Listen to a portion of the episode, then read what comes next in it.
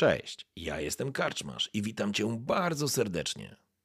Niezwykle miło mi Cię gościć w progach mojej karczmy. A teraz usiądź wygodnie, odpręż się i daj porwać się historii, którą mam do opowiedzenia. A jeśli spodoba Ci się to, co usłyszysz, zawsze możesz rozważyć wsparcie mnie za pomocą patronite.pl. Link znajdziesz w opisie. Życzę miłego słuchania. Oby nam się!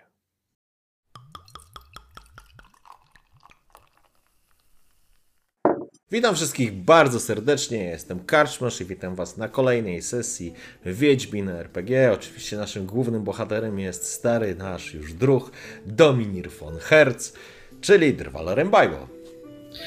Dzień dobry, dobry wieczór, witam wszystkich bardzo serdecznie. To nie pozostaje nam nic innego, jak zaprosić Was na kolejną odsłonę naszej sesji. Zapraszamy.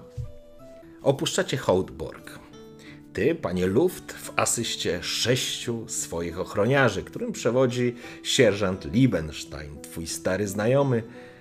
Już nie Horst, już nie sierżant Horst, ale żeby prosto było i łatwo zapamiętać, zwyczajnie i po ludzku Liebenstein. Wraz z nim podróżuje oczywiście sześciu, pięciu pozostałych żołnierzy, którzy teraz wyekwipowani i pozbawieni wszelkich odznak i dystynkcji żołnierskich poruszają się z tobą w kordonie jako twoi najemnicy. Ty oczywiście, panie Luft, Bastianie Luft, jesteś kupcem, który zmierza do Białego Mostu, aby się przeprawić przez Pontar, a następnie trafić do Murivel i tam spotkać się z tajemniczym mężczyzną Teodorem Ziegensteinem, czy Ziegensteinem. Wy na północy Z czytacie bardziej jako C, więc będzie to Ziegenstein. A ci w Temerii, oni zawsze byli troszeczkę za wami, ale cóż, klejnot uniwersytet wśród, pośród uniwersytetów, czyli Oxenfurt, leży w Redanii, co tu dużo mówić. Foltest i cała ta zgraja musi się jeszcze wiele od was nauczyć, ale z drugiej strony, na ile ty jesteś jeszcze Temerczykiem, Redańczykiem, a na ile Temerczykiem? No cóż, cóż, to wszystko wszystko jest przed nami. Wyruszyliście z Hołdborgu. Wydarzenia, które miały ostatnie miejsce, wryły ci się oczywiście w pamięć. Gdzieś tam to wszystko starasz się sobie poukładać, mm, starając się, że tak powiem, zapamiętać coraz większy krąg swoich przyjaciół, którzy na tym Hołdborgu zostali.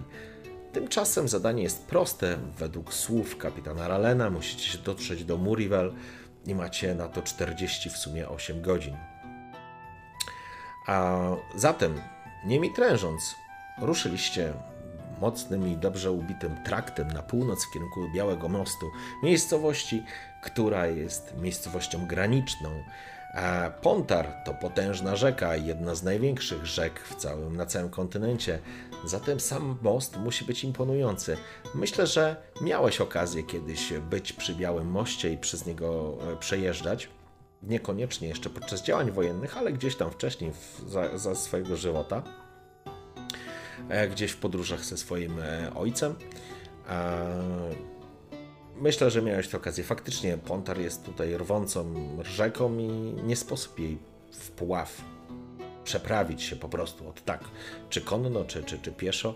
Jest to niezwykle trudne, bo sama rzeka jest niezwykle szeroka w tym miejscu i, i, i, i koryto rzeki ma strome zbocza, ale jakby podróż do Białego Mostu jest ci upływa spokojnie, wyruszyliście zgodnie mm, gdzieś w południe dokładnie po, kiedy słońce było w zenicie, zostawiając za sobą plac budowy tych wszystkich ludzi, a niespecjalnie ludzie się tam, że tak powiem, wami przejmowali, wszakże byliście już też przebrani, ty jesteś w stroju kupca. Ważna rzecz, którą chciałbym, żebyśmy jeszcze ustalili, e, chciałbym wiedzieć, jaki, jaką broń masz ze sobą, drogi Denimirze, i czy pod e, szaty kupieckie, zakładasz jakiś rodzaj pancerza, no na pewno nie kolczugę, ale może jakąś przeszywanicę chociaż. Um, tak, y, jako że przezorny zawsze ubezpieczony, to zakładam właśnie przeszywanicę, taką nawet nie, nie najgrubszą, żeby po prostu nie krępowała mi ruchów oraz żebym po prostu się w, w szatach i w zbroi naraz nie ugotował. Miecz z kolei noszę na wierzchu, on jest, on jest dobrze widoczny. Jako kupiec w tych niebezpiecznych czasach jak najbardziej mogę sobie na to pozwolić. Oczywiście miecz, miecz wygląda na taki, mm, jest to broń prosta, nie jest to nic niezwykłego, nie przykuwa uwagi. Porządku, czy jeszcze jakąś broń, jakiś sztylet? Mój niezawodny sztylet jak najbardziej. Niezawodny Mam sztylet każdego szpiega. Tak jest, tak jest. To jest ten sam sztylet, z którym się zresztą nigdy nie rozstaje. E, on, jego mam ukrytego właśnie e, w, w połach płaszcza, w ten sposób, że mógł po prostu niezauważenie i, i łatwo do niego sięgnąć w razie potrzeby. Na co mam nadzieję potrzeby mieć nie będę. Rozumiem. Ale e, jak wiadomo, różne rzeczy się zdarzają. W porządku. tak, w porządku. Pytanie jeszcze, czy masz ze sobą jakiś.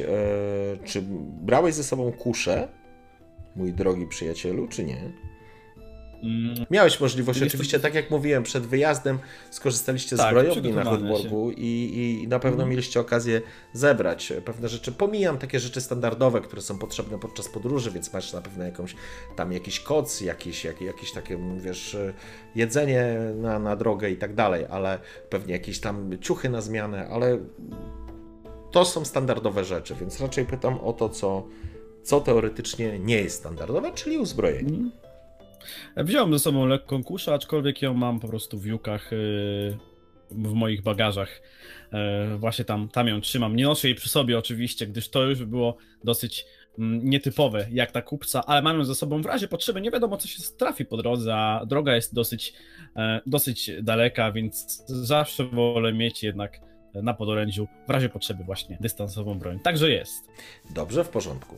Zatem ubrany jesteś w taki strój podróżny, czyli surkot, czyli taką szatę podróżną, która jest spięta oczywiście fantazyjnym paskiem, zawinięta w taki sposób smoczego języka, czyli wywinięty pas spada, opada w dół.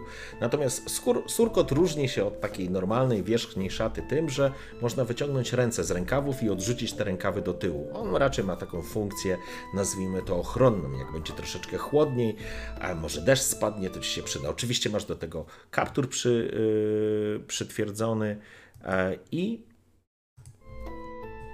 i nogawice pod, pod tym surkotem i wysokie buty. Także oczywiście mm, pod samym, pod samym takim wierzchnim odzieniem masz tą przeszywanicę, która ma długie rękawy mm, oraz opada ci mniej więcej do połowy ud ale spięta mocnym pasem, nie krępuje, tak jak powiedziałeś, nie jest to jakaś taka wielka i ciężka przeżywanica, więc nie krępuje Twoich ruchów. E, czy masz na głowie jakiś, e, poza kapturem, jakiś, e, skusiłeś się na jakiś m, kapelusz albo jakiś szaperon? Czy... Oczywiście.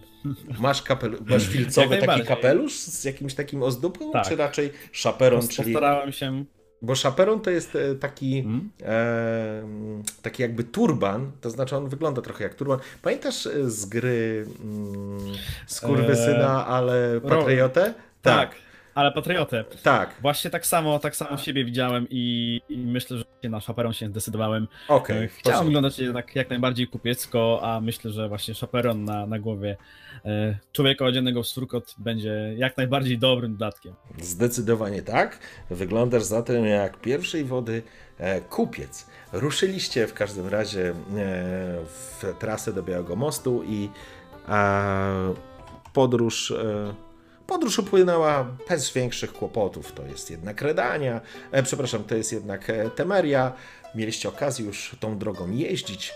E, zresztą jechaliście tą samą drogą jeszcze w towarzystwie Telarada i Zygmunta, żeby, żeby dotrzeć i, i pozyskać Milenę i Daltera. Ale to było, tą, tą trasę, że tak powiem, ona była krótsza. Minęliście, już zostawiliście daleko za sobą.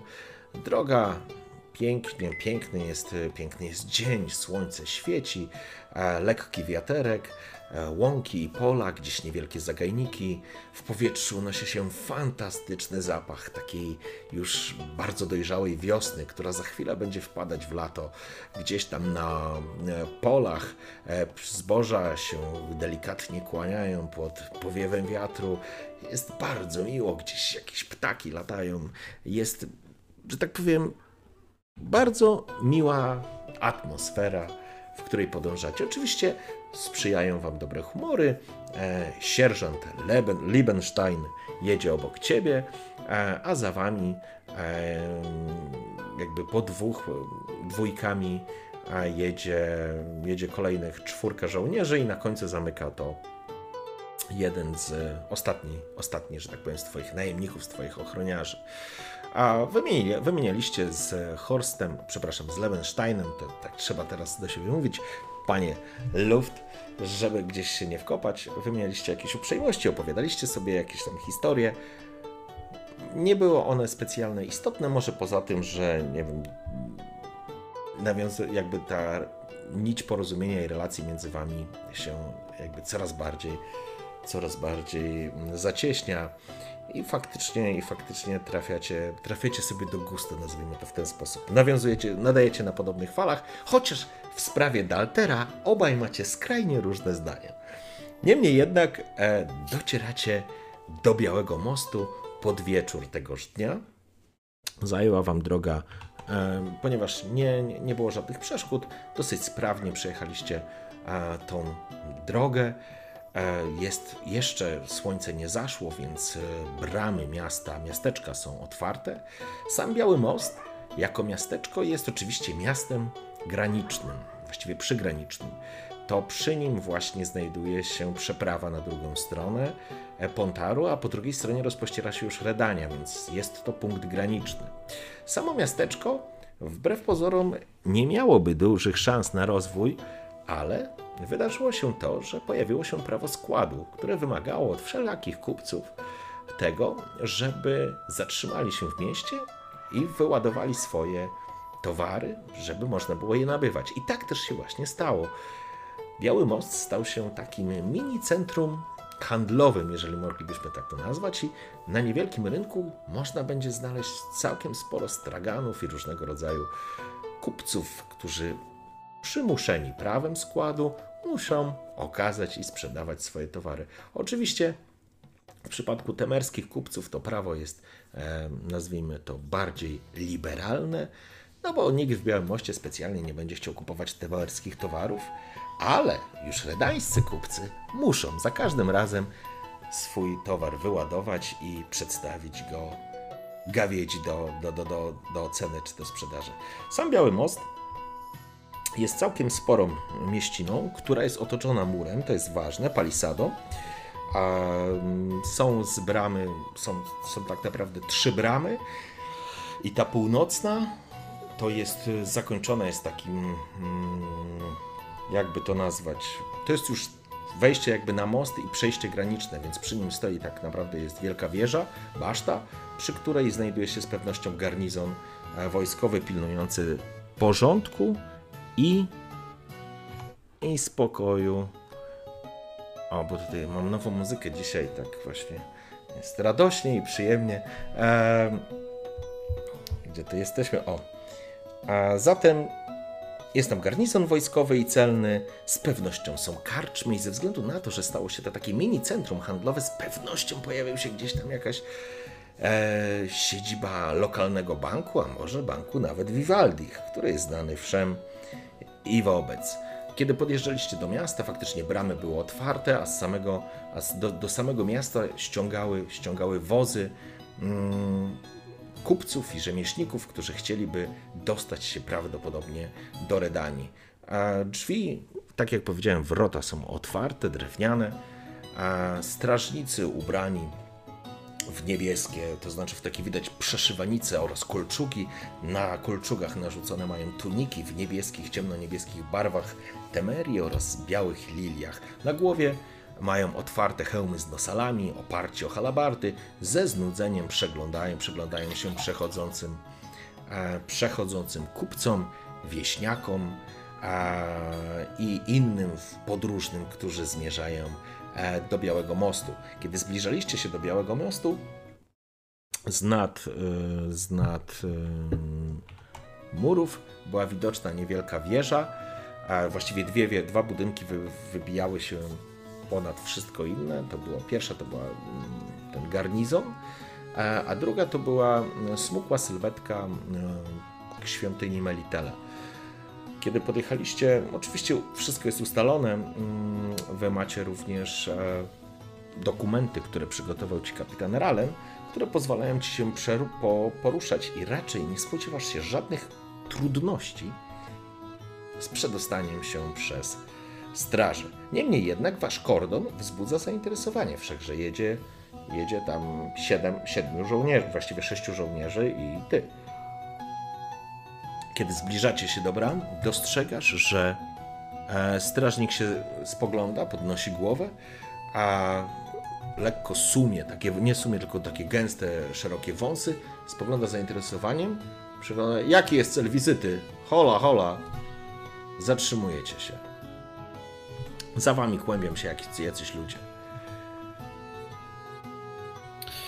No, zupełnie bez, bezstresowo yy, wczuwam, się, wczuwam się w swoją rolę, więc po prostu podjeżdżam do strażnika, pokazuję mu dokumenty.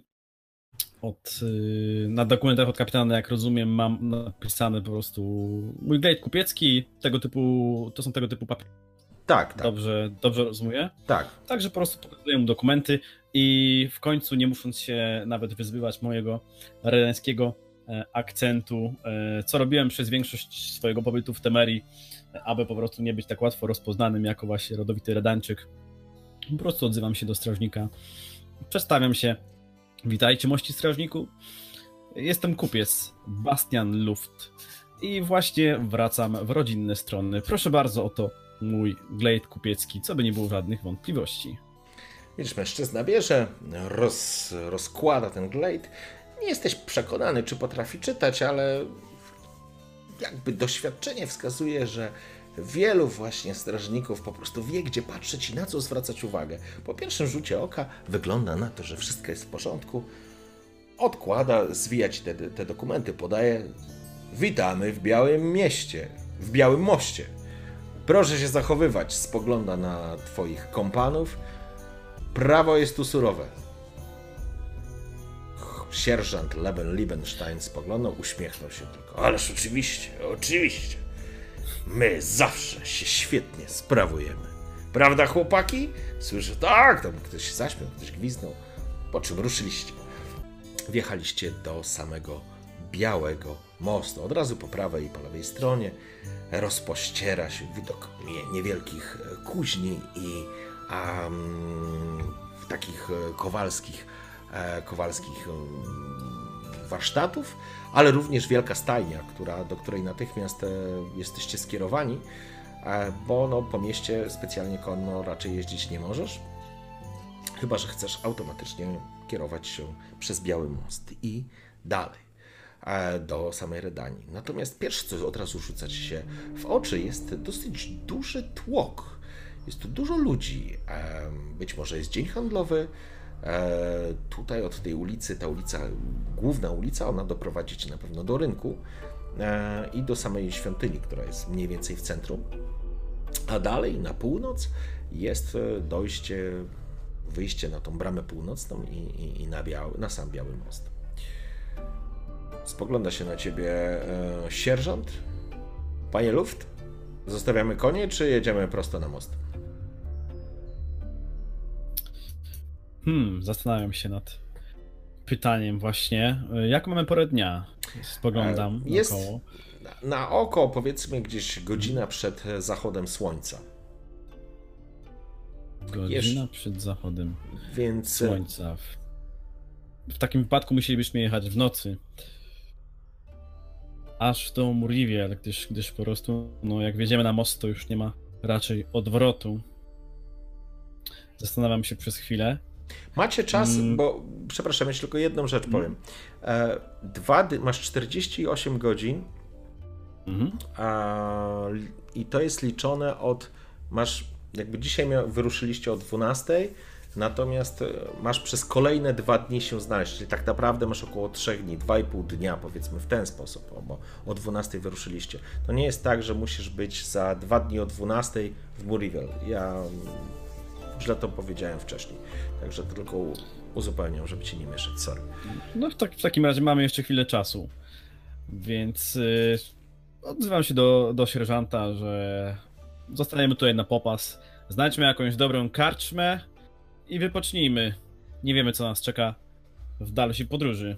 A przy okazji możemy rozejrzeć się nieco po mieście. Chyba mają dzień handlowy, więc kto wie, może znajdziemy jakiś mały, pożyteczny drobiazg. Tylko nie skupujcie całego straganu. Nie możemy się zbytnio obciążać. Panie Luft, wyśmienita decyzja, ja również tak uważam. Dubsko boli od całego dnia w siodle, a tutaj może coś zjemy, popijemy. Tak, biały most, to... Panie Luft, cały tydzień to dzień handlowy. Gwiżdżę, e, wskazując swoim kompanom, że schodzimy z koni i, i, i kierujecie, kierujecie się, że tak powiem, do stajni. Natychmiast podbiega jakiś chłopiec stajenny, skłania się przed wami. Szlachetny panie, bierze od ciebie, bierze od ciebie e, powróz, odprowadzając e, konia. Opłata jest standardowa, uiszczana przy odbiorze, więc informujesz tylko, że jutro będziecie prawdopodobnie odbierać e, zwierzęta i ruszać na. Tak? Tak, tak, tak, tak. Tak go informuję, daję mu od razu mały zadatek tam, jakąś dosłownie symboliczną, drobną kwotę, e, aczkolwiek wiem, że nawet dla, nawet tyle dla, dla chłopca stajnego to jest już po prostu udany wieczór. Zdecydowanie. Jeden oren e, temerski to jest 100 groszy, więc e, nie wiem, dajesz mu kilka groszy, dla niego to jest faktycznie, on się uśmiecha, dziękuję, skłania się. E, szlachetny panie, e, na północ ruszacie? Przez most? Istotnie, chcemy dać koniom trochę wypocząć i mam nadzieję, że tutaj tego wypoczynku e, doświadczą. Oczywiście, zajmiemy się końmi najlepiej jak potrafimy, ale chyba jest jakiś kłopot z mostem. Czcigodny panie. Hmm, co tam mówisz? Tak, Czy słyszałem. jakieś szczegóły? Tak, słyszałem, że most chyba jest nieprzejezdny, dlatego jest tak dużo osób w całym mieście. Ale nie znam szczegółów, bo nie wychodzimy z koniuszymi tutaj ze stajni. Świetnie. Powiedz mi, kogo powinienem y, spytać o sytuację na moście? Czy może garnizon? Myślę, że Czy najlepszy. może jest jakiś zarządca? Myślę, że najlepiej porozmawiać bezpośrednio z garnizonem i z celnikami, którzy e, pilnują porządku i odpowiadają za ruch. Także na północ. Do, przy samym Białym Moście z pewnością chodzi o garnizon, który jest przy, przy przejściu. Świetnie. Przypilnuj dobrze koni, a zapewniam cię, że dostaniesz drugi taki zadatek za tą pośrednią informację. Dziękuję, szlachetny panie, niech Melitele cię błogosławi i wskazuje ci drogę, i tobie, i twoim kompanom. Dobra, dobra, bierz te konie i wołaj tutaj kmiotów innych.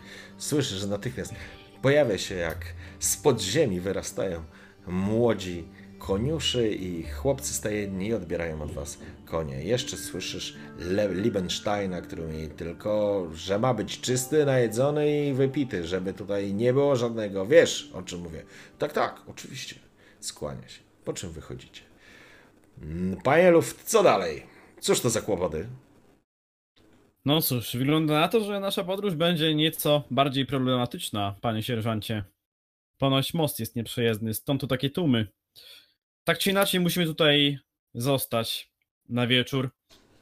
Wyznajdźcie więc jakąś dobrą karczmę, a ja pójdę może rozejrzeć się nieco, wypytać e, przy garnizonie, co tam się w ogóle na moście dzieje. Nie możemy tutaj mi trężyć czasu, ale musimy także wypocząć, także myślę, że takie powinny być nasze kroki. Dobrze, panie Luft. E, Jeden z naszych e, gdzieś tutaj był spod Białego Mostu, więc zaraz nam powie.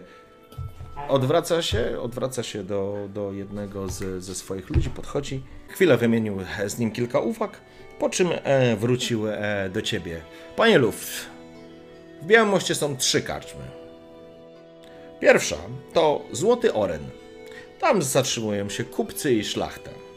Druga jest przeznaczona dla rzemieślników i czeladników. Nazywa się Kowadło. Natomiast trzeciej nie polecam. Nazywa się. Sama nazwa już odstręcza.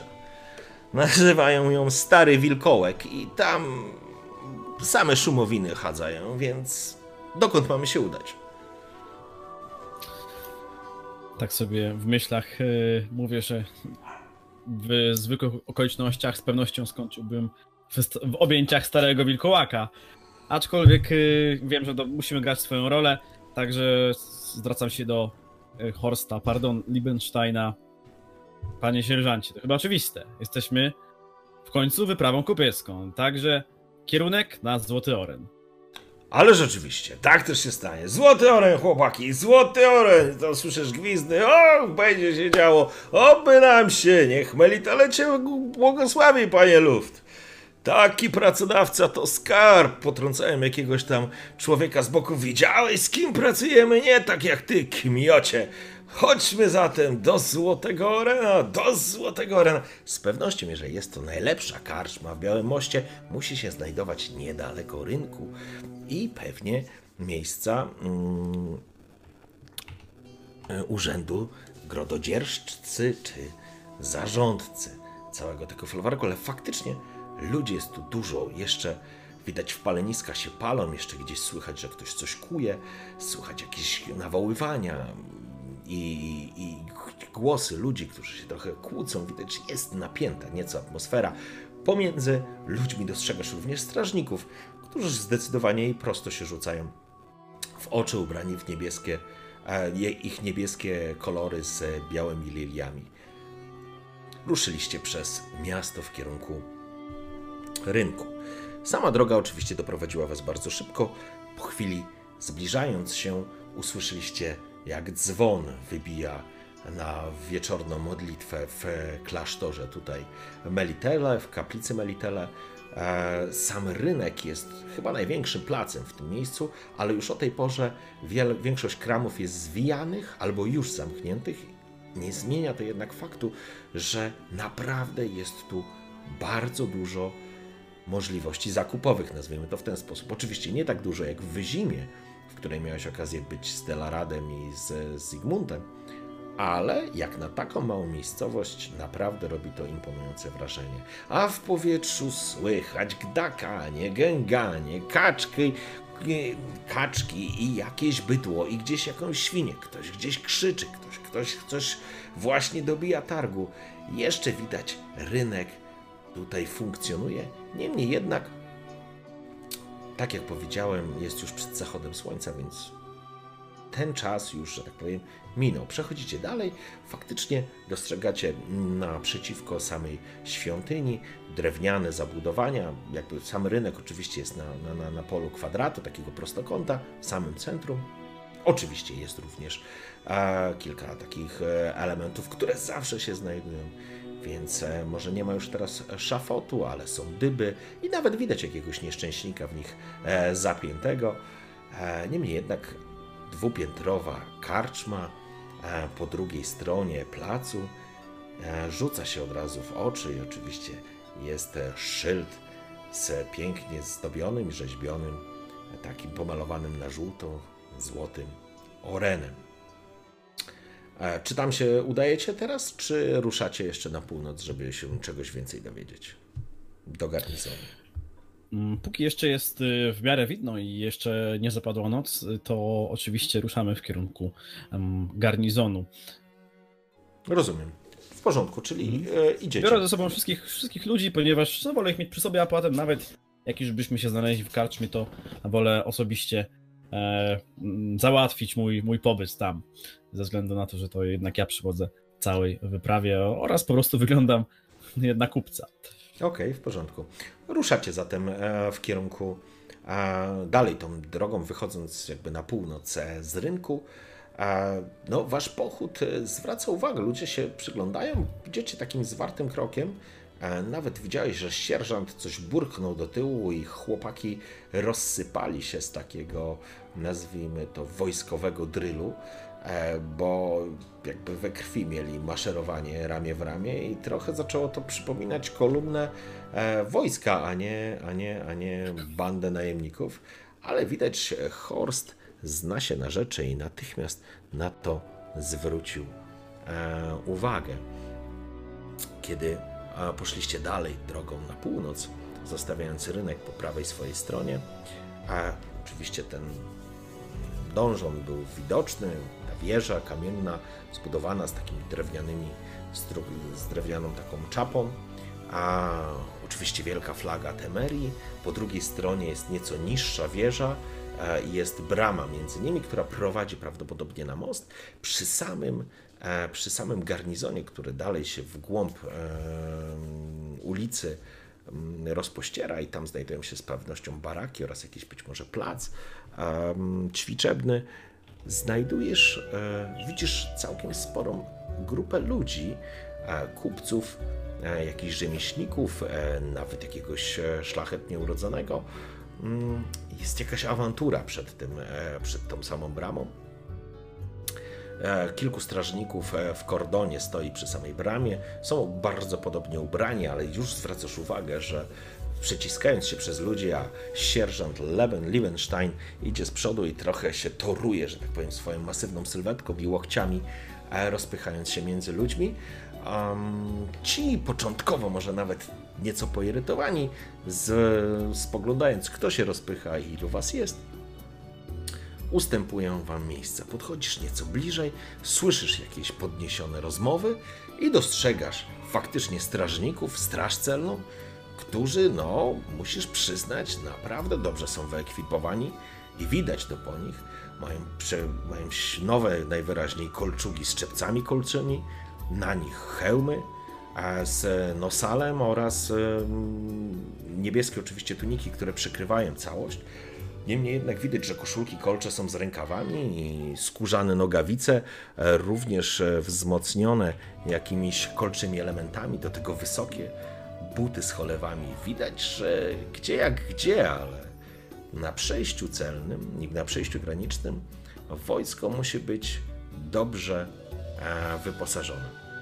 W każdym razie dwóch czy trzech, trzech dokładnie strażników stoi i rozmawia z podniesionymi głosami z jakimiś e, kupcami, którzy najwyraźniej próbują się przedostać, a brama jest zamknięta i to jest ten element, który zwraca natychmiast uwagę. Gdzieś oczywiście na samej wieży widzisz kolejnych strażników. Ci już mają również w ręku kusze, więc na siłowe prze, przeprawianie się przez Biały Most nie jest najlepszym pomysłem. Po czym słyszysz głos strażnika. Droga jest zamknięta, jest remont. Most się zepsuł. Rozumiesz pan? Nie ma przejścia. Jak to nie ma przejścia? Ja tu do Redanii jadę. Wiozę towary ja, muszę jechać, nie mam czasu na twoje pieprzenie, żołdaku. Licz się ze słowami, Redańczyku. Tu temerska ziemia, tu porządek, nie tak jak u was. Jak mówię, że nie ma przejścia, to przejścia nie ma. A kiedy będzie? Kiedy to będzie? Będzie jak będzie gotowe. Inżynierzy teraz robią. Co to znaczy? Ja mam towar, on mi się zepsuje. To go sprzedaj, prawo składu obowiązuje w Białym Moście. Nie rozumiesz tego prawa? Horst spogląda się na ciebie. Lekko zdezorientowany. Hmm. Yy, daję mu znak głową po prostu, żebyśmy podeszli bliżej nieco. Mhm. Także, także podchodzimy. Czy, czy jeszcze jakieś słowa padają tam ze strony tego żołnierza kupca, czy może kupcy już odpuścili i, i, i po prostu udają się w swoją stronę? Znaczy, zajęli się rozmową teraz ze sobą, przerzucając mm. się przekleństwami, co to w ogóle jest, jakimiś opcjami, co trzeba zrobić, gdzie można pójść, co teraz, czy będziemy siedzieć w Białym Moście, czy, czy, czy szukamy innej przeprawy. Strażnicy widać są nieco znudzeni tą sytuacją, to znaczy może nie znudzeni, co pewnie poirytowani ale y, najwyraźniej e, tego typu rozmowy muszą prowadzić już od jakiegoś czasu. I mm. pewnie tłumaczenie za każdym razem tego samego wydaje się być już nieco dla nich e, irytujące. Mm. E, dobra, mimo wszystko zdecyduje się jednak, e, daje Horstowi znak, że jednak podchodzimy, tak? Horst mm. tam ze swoimi ludźmi, to jest dobre jednak zaplecze, myślę, że, że posiadanie ich za plecami może, może taki efekt nieco, e, nie, nieco zastraszenia wprowadzić, ale ja podchodzę z uśmiechem do, do strażnika i zagaduję. Mości strażniku, witajcie, macie piękne miasto, ale widzę, że dosyć tutaj napięta atmosfera. Słyszałem, że most jest uszkodzony. Prawda li to? Oczywiście cały czas się uśmiecham, jakby dzień był piękny, jakby E, okay. Jakby cały czas świeciło słońce, jak, jak, jakbym po prostu e, dosłownie e, był to najlepszy dzień mojego życia. Dobrze, w porządku, e, ponieważ właśnie tego widzowie oczywiście nasi nie widzieli, ale mieliśmy rozwijanie postaci i nabyłeś aż 4 punkty charyzmy, więc wykorzystajmy tą charyzmę. Zobaczymy, e, jak potraktujecie strażnik. Czy, czy, czy przypadniesz mu do gustu, czy nie bardzo. Twoja charyzma teraz wynosi 4, twoja empatia wynosi 4, potrzebujesz rzucić 7 żeby go przekonać, to znaczy, żeby wywrzeć na nim pozytywne wrażenie. Być może samo zagajenie, które, od którego zacząłeś, spowoduje, że ci to pomoże. Możesz oczywiście użyć punkty szczęścia. Jak pamiętasz, e, masz dostępne na każdej sesji 7 takowych punktów, e, ale to jest twoja, twoja wola. Mhm. Um, używam e, jeden punkt szczęścia. W porządku. To rzuć kostką K10. Dobra, uwaga. 5. A, a, a. 5 to było no 9, 14, ale uznajmy, że zacząłeś, przyszedłeś z uśmiechem, e, co było na pewno miłą odmianą dla każdego strażnika, który musiał wysłuchiwać przez cały dzień przekleństw oraz klątw. Mężczyzna spogląda na ciebie, widać jego twarz, która przed chwilą była taka stężała i raczej oczekiwała na kolejne wyzwiska na kolejne, to znaczy może nie wyzwiska, ale na kolejne jakieś awantury, spojrzał na ciebie, trochę jakby rozluźnił. Te, te, te, te, te spojrzenie stało się takie bardziej neutralne. No, witam, witam. Nieciekawy czas dla Białego Mostu, nieciekawy. Mamy problem. Szlak trafił most i teraz chłopy muszą go naprawić, bo nie da się przejechać. Elfia niby robota, niby tyle czasu i lat to przetrwało, a wiedziałem, że na mojej wachcie musi, na mojej służbie musi go szlak trafić. A no i trafił, nie da się przejechać. Kilka dni temu coś huknęło, coś stąd tąpnęło, nie mam pojęcia co, ale część kamiennych, kamiennego mostu po prostu zawalił się w wodę. Teraz jest wyrwa i próbują to naprawić. Najpierw ściągaliśmy inżynierów, którzy mogliby to zrobić. Trochę to trwało, a atmosfera w mieście rosła, bo przecież kurwa ja to wziąłem i zepsułem. Ja zepsułem, poszedłem, nudziłem się, jebłem i zepsułem. No w każdym razie,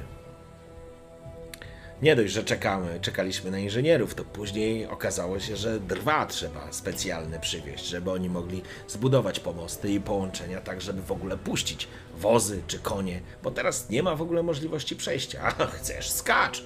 Ale jak wpadniesz do Pontaru z tej wysokości, to niespecjalnie duże szanse dla ciebie widzę. W każdym razie, jak na złość, transport powinien z drewnem być już wczoraj. Tutaj jest całkiem niedaleko Dudkowa Rębina i tam właśnie Dudek wycina drewno. Było prosto. Okazuje się, że ani Dudka, ani drewna. To już drugi dzień mija ich nie ma i nie wiemy, co teraz robić. Czy czekać dalej? Inżynierom się nie pali. Oni mają syny od dniówki płatne, więc czy oni posiedzą tu tydzień, czy trzy dni, to oczywiście, że chcą siedzieć tydzień. A, że przyszli reperować most, to jeszcze za państwowe i siedzą w karczmie i chleją cały dzień, bo nie mają co robić. I to taka robota. A więc czekamy i nie wiadomo, co dalej. Przepłynąć się nie da, wpław nie pójdziesz pan, a po moście również nie. Redańczycy założyli ręczki na łokcie i rozkładają rączki, mają to totalnie w dupie, bo wyrwa jest po naszej stronie mostu. Na podstawie porozumień, które nasi światli władcy podpisali wieki temu, most połowa jest nasza, połowa jest ich. Jak na złość ktoś nie poszedł, nie dał tych podarków na Melitele i szlak trafił most po naszej stronie, a nie po redańskiej. Ach, Szkoda gadać. Szkoda gadać. No, słucham zawodzenia strażnika, ale z cierpliwością przytakuję i pokazuję Miłką, że dzielę się po prostu w bólu. Eee, przeżywam dokładnie to samo, co on. Poczekaj, Mm, przerwa. Bo... Żołnierzu, widzę, że macie... Poczekaj, skacze ci, skacze dźwięk. Nie wiem. Okej, teraz powinno być lepiej. Okej, dobra. Dobra. A więc patrzę na to, co słucham z uwagą. Żołnierza przytakuje i pokazuje miłką, że rzeczywiście, że jak to w ogóle, jak to tak może być, że to tak nie powinno wyglądać, że w ogóle kto to w ogóle wymyślił. Mm, zastanawiam się, czy coś jeszcze mogę od żołnierza wyciągnąć. Z pewnością podał mi informację o dudkowej rębinie, która jest bardzo, bardzo e, ciekawa. Mm, tak, e, próbuję zagaić jeszcze w ogóle go sobie e, zjednać, w razie czego tak na niego patrzę, mości żołnierze, widzę, że ma- macie tutaj istotnie prawdziwy Armagedon. Pewnieście spragnieni, jak mnie ma. Arma, co mamy? E, Bardzo trudną sytuację. A no, zajebiście trudno mi. I wszyscy do mnie mordę drą. Jak ja bym wziął i poszedł, rozpieprzył ten kawał cholernego elfiego mostu. Gdybyśmy my to budowali, my, Temerczycy, i gdyby to było nasze, to byłoby zupełnie inaczej. A tak, masz jakiś stary most, niby wielki, niby działa. I co? I zawsze jak się coś spierdoli, to na mojej warcie. Zawsze na mojej zmianie. Szlak by trafił. Szlak by trafił. Zastanawia mnie, y, mości żołnierzu, ta dudkowa rębina. Tam daleko to stąd jest? Średnio znam Temerię, jak widzicie. I przybywam z daleka. Dudkowa rębina. 3-4 godziny drogi stąd, dlatego to wszystko powinno być już załatwione dawno. Ale oczywiście, komu się chce pojechać, zobaczyć? Nikomu, wszyscy mają to w dupie. Oczywiście, bo nie jej nikt nie musi poza mną siedzieć i wysłuchiwać tego całego pierdzielenia. Wiadomo, że Dudek to zawsze jest lewi, leniwiec i on tam się do niczego nie pali, a panowie rajcy zamiast zapłacić, to pewnie trzymają morenki dla siebie. No bo co? Jak to? Komuś lepiej sobie. Orenek do orenka, zbierze się sumka, a później z Białego Mostu wyprowadzą się do takiego, choćby do Wyzimy, jeżeli dobrze nazbierają. Ach, masz ci los, panie, masz ci los. A ty stoisz tu słota, słońce i musisz się użerać. Zawsze tak samo. Myślę, że może ja i moi ludzie mamy chwilę wolnego czasu. Kto wie, może moglibyśmy dopomóc tobie i twoim druhom w potrzebie. Tylko powiedz mi, gdzie, kto zarządza w ogóle tym transportem drewna? Czy, czy, czy jest tu ktoś e, odpowiedzialny za to, kto miał transport przyjąć? Kto to w ogóle załatwił? Wszystko idzie przez tychże inżynierów, którzy se inżynierzy tu siedzą i chleją drugi dzień. I siedzą oczywiście gdzie? Gdzie mogą siedzieć? Siedzą pod złotym dukatem, bo kto płaci za to? Rada miasta płaci, bo miasto z czegoś musi żyć. Ja tego nie rozumiem, panie, ja tego absolutnie nie rozumiem. Nie wiem, jakim cudem. Co za problem? Wysłać paru kmieci, żeby przywieźli z powrotem to drewno. Może się nachlali, a może zamtuzik odwiedzili. Kto ich tam wie? Kto ich tam wie? A ja znowu będę siedział i słuchał. Ale jeśli chcesz, panie, z kimś gadać, to musisz iść albo do grododzierżcy, albo musisz iść do Złotego Dukata i o inżynierów pytać. To tam wyjaśnią, kto i komu i po co i jakie drewno zamawiał. Rozumiem. Kto wie, może uda nam się coś e, wskórać. E, W takim razie mam nadzieję, że twoja służba nie będzie taka ciężka jak do tej pory. Zbliża się noc, powinniście wypocząć. Oby tak było, oby tak było. Widzę, że już tałataństwo się rozłazi, więc dzisiaj już powinien być spokój. A jak szukacie jakiegoś miejsca na nocleg, to kowadło jest całkiem niezłe, ale do starego wilkołeka, panie, nie idźcie. Widać, że macie rębajów za sobą, pewnie oni się tam znajdą raz, dwa, ale pamiętajcie, choć spyska wam dobrze patrzy. Prawo jest prawo i trzymać rączki z dala od wszelkiego typu e, ostrych narzędzi. Samo się przez się rozumie. Bywajcie, żołnierzu. Bywajcie, dobrej nocy życzę. Wracasz Nawzajem, do komratów. Ten, Wracam ten się tak do, do sierżanta. sierżant spogląda i do z moich takim, ludzi. na twarzy, na tej takiej grubej, świńskiej twarzy maluje mu się wielki znak zapytania, natomiast e, e, część tych kupców już po prostu się rozeszła. Ktoś podsłuchiwał, jak tam dyskutują, ktoś przyglądał się, ale ale jest generalnie cisza.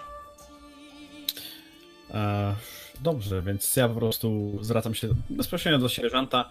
Sierżancie, nie możemy tutaj mi trężyć. Nasz towar czeka. Tak, w razie gdyby ktoś e, pamiętał o tym, że jednak jesteśmy na misji i musimy cały czas grać swoją rolę. Nasz towar czeka.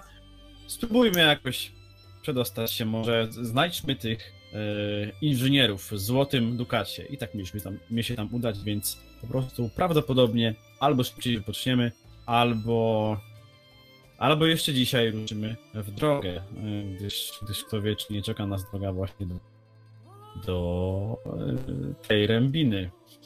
Do Złotego Dukatu, tak czy inaczej. Tak jest, panie Luft. Idziemy do Złotego Dukatu. Raz, dwa. Poszli.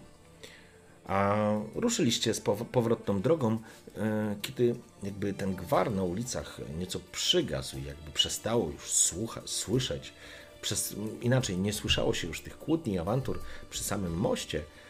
Gdzieś tak na, na, na pograniczu cały czas słyszysz taki gdzieś w oddali szum.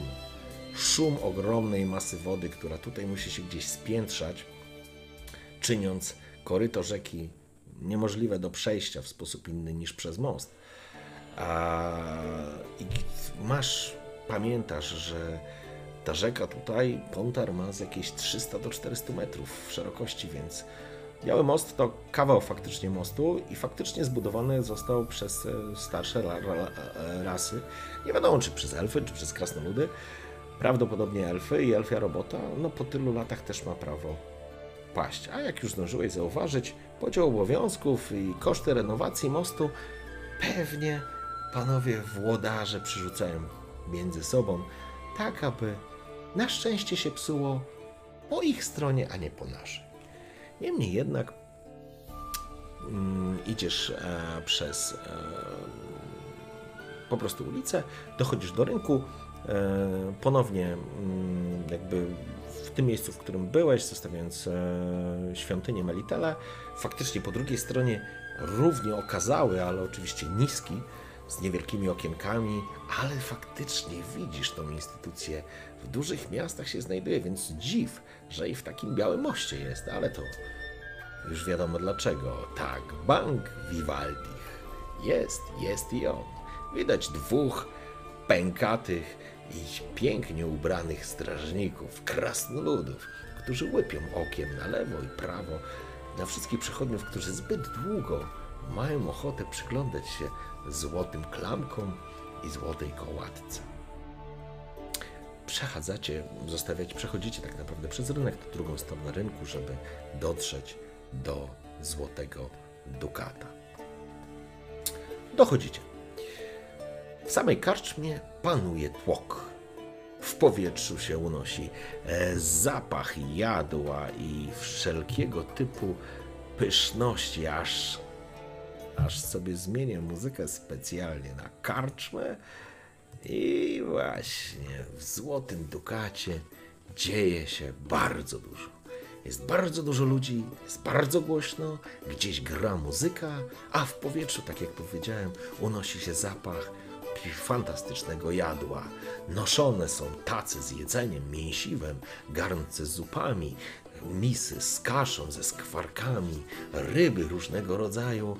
Jest to karczma dla tych bogatszych, dla tych bardziej majętnych i widać, że stoły uginają się pod wszelkiego rodzaju dobrodziejstwem, a kubki z piwem, czy kufle drewniane z piwem, czy innego, innymi, innego rodzaju trunkami tylko pojawiają się i są donoszone przez służbę. Pierwsza część karczmy jest bardziej otwarta i tutaj są ławy, przy których siedzą. Ławy są wypełnione tak naprawdę i za niewielkim takim drewnianym płotkiem, który oddziela e, kolejną część karczmy, znajduje się część, w której są już takie stoliki a, i przy tych stolikach siedzą bardziej majętni e, kupcy czy, czy, czy szlachetnie urodzeni. Stajecie w karczmie. Natychmiast podchodzi do was jeden z e, chłopców z obsługi, skłania się. Witam szlachetnych panów w złotym dukacie. Jestem Hans. W czym mogę służyć? Młody chłopiec, nie więcej niż 12 lat, ubrany w w szatę, e, która, która ma krótszy rękaw, spod niej wy, wyziera niebieska tunika. Sama, sama ta wierzchnia część nazywa się kote. Jest, kończy się na poziomie ud, jest spięta ładnym takim paskiem. Jest oczywiście niewielki znak złotego dukatu. Chłopiec jest krótko obstrzyżony na pazia i ma wściekle, takie wściekłe, bardzo intensywnie zielone oczy. Spogląda się e, na ciebie, ponieważ jesteś pierwszy i od razu widać, że to ty zarządzasz kasą. E, witaj, chłopcze. Poproszę stolik dla mnie i dla moich kompanów. A przy okazji, e, może są tutaj e, nasi dobrzy znajomi e, inżynierowie, którzy powinni tutaj mm, pracować i możliwe, że właśnie tutaj u Was się znajdują. Mieliśmy się tutaj spotkać właśnie po zmroku. Może już są na miejscu. Panowie inżynierowie są tu od wczoraj. Z Alkierza nie wychodzą, szanowny panie, więc zaraz za, zapowiem państwa przybycie. Spogląda na ile stolik potrzebnych osób? Na ile, e, na ile osób stolik? O. Łącznie ze mną jest nas siedmioro. Siedem osób drapie się lekko w głowę będę musiał panów jakoś porozsadzać. Ławy zajęte, a stoliki, no cóż, zaraz zobaczymy, czy coś się da zrobić. Nie ma problemu. Stolik dla mnie i dla e, mojego e, dowódcy gwardii, e, sierżanta Liebensteina, a chłopców posadźcie przy osobie. Niech się chłopaki zabawią. Ależ oczywiście tak się stanie. A zatem proszę za mną. Prowadzi was. E, widzisz, że Sierżant uśmiechnął się, spoglądał z wyższością na, na, na, na, na, na żołnierzy mm, i ruszył za tobą szparkim krokiem, przecierając się przez mm, chodzące pomiędzy ławami i ludźmi i stolikami, czy, czy, czy, czy, czy dziewki, czy chłopców, którzy noszą jedzenie, kufle z piwem i niczym frygi. Poruszają się między nimi, nie, nie roniąc nawet kropli, chociaż powietrzu rozciąga się, tak jak powiedziałem, zapach e, tego różnych pyszności, ale również i tytoniu palonego. No i nie ukrywajmy, ale również potu, bo robi się tu, jest tu bardzo parno i jest tu sporo osób. W końcu dotrafiacie do stolika, który Hans wam rękawem natychmiast taką wyciąga szmatkę z zapasa, e, serwetkę i on szybko e, jakby czyści stolik z jakichś okruchów i resztek jedzenia. Natychmiast pojawia się skądś jakaś e, dziewczyna, która zabiera e, drewniane miski. Szybko stolik jest gotowy. Proszę usiąść ja zaraz poinformuję i panów inżynierów, że jesteście panowie z nimi, już jesteście w karczmie. E, tak patrzę na niego, zastanawiam się, ile tych inżynierów jest. E, ale po prostu mówię, postaw im od razu ode mnie kolejkę. Po czym e, wskaż na mnie i, nie, i myślę, że, że, że, odnajdą mnie przynajmniej wzrokiem. Mm, oczywiście. E, czy coś specjalnego mam zamówić, czy obojętnie? E, postaw im to po prostu pi. Ależ oczywiście tak się stanie. Natychmiast odchodzi Horst siedzi przy, przy stoliku, rozgląda się, widać najwyraźniej nieczęsto miał okazję siedzieć w takiej karczmie, a tym bardziej już w części przeznaczonej dla bardziej majętnych e, gości, a oczami pożera półmiski z jedzeniem, które widać na innych stolikach, a zresztą co tu dużo mówić, tobie też już kiszki marsza grają, bo cały dzień w siodle. Na prosuchym prowiancie to nie to samo, co jednak skorzystać z gościnności tegoż tutaj gospodarza. No, to także również sam sobie bym coś zamówił. Nie będę ukrywał. Czy Hans już poszedł? Tak, Hans już poszedł. Hans już poszedł. O, ty, cholera, cholera ciebie. Eee, dobra, po prostu rozglądam się po karczmie, wykorzystuję ten moment, mm, jak Hans poszedł tam, żeby też właśnie obejrzeć, co tu się znajduje, kto tu siedzi, może sam znajdę wzrokiem eee, Zatem inżynierów, szukają. Karczma, karczma jest naprawdę obszerna. Widać, że z tego pomieszczenia, to jest główne pomieszczenie, jakby podzielone jest na pół. Ta część, ta połowa w głębi lokalu, to jest ta połowa, w której teraz się znajdujecie. Oczywiście są drewniane filary, które podtrzymują piętro i strop. Widać po prawej stronie, e, jakby patrzysz, od, patrzysz na drzwi, teraz siedzicie frontem do drzwi. Po prawej stronie są schody prowadzące na górę, ale za tobą znajduje się jakby szynkwas, sam, sam nazwijmy, tam, tam siedzi karczmasz i dostrzegasz również, że przy szynkwasie, za, obok niego e, znajdują się alkierze, czyli takie za zasłonkami pomieszczenia, w których goście mogą liczyć na nieco e, intymności, nazwijmy to w ten sposób. Natomiast e, po drugiej stronie szynkwasu widać korytarz, który prowadzi e, do kolejnej e, sali tak jak powiedziałem, są tu bardziej zamożni goście, widać jakiś rycerze, którzy rozmawiają szlachetnie urodzonych. W tej części, gdzie wy jesteście, kto jest w Alkierzu, nie jesteś w stanie stwierdzić, są zasłonięte.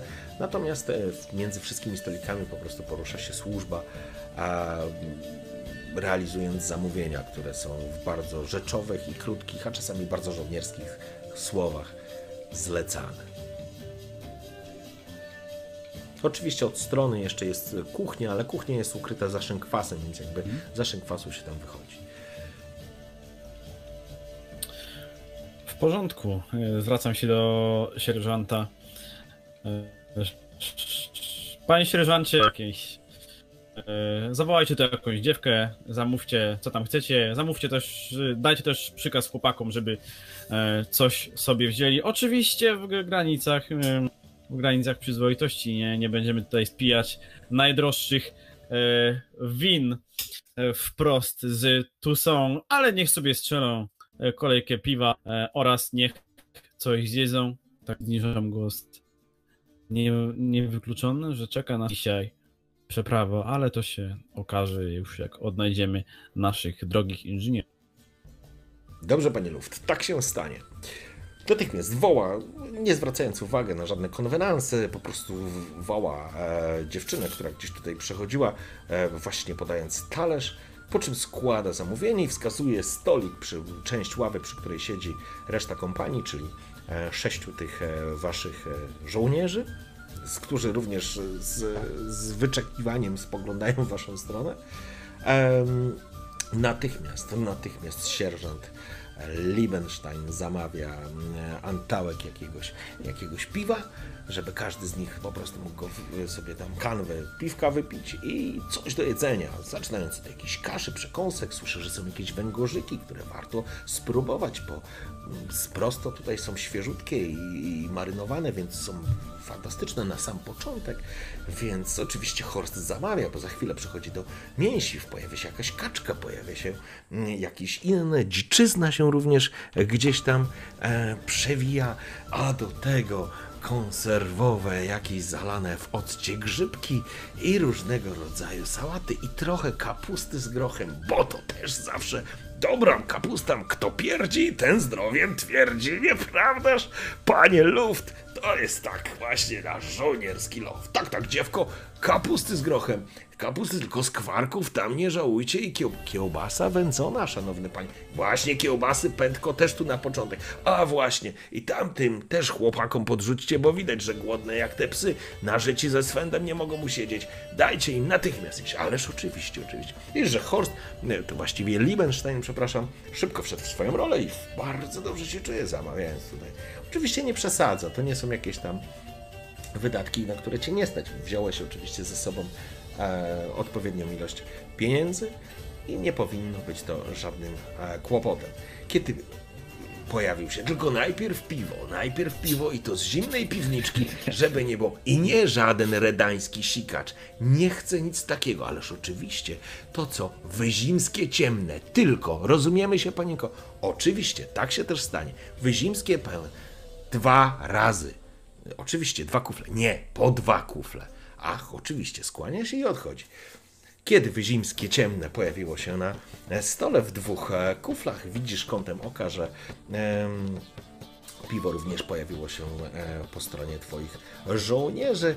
Za chwilę przyszły właśnie węgorzyki, później jeszcze jakaś inna przekąska.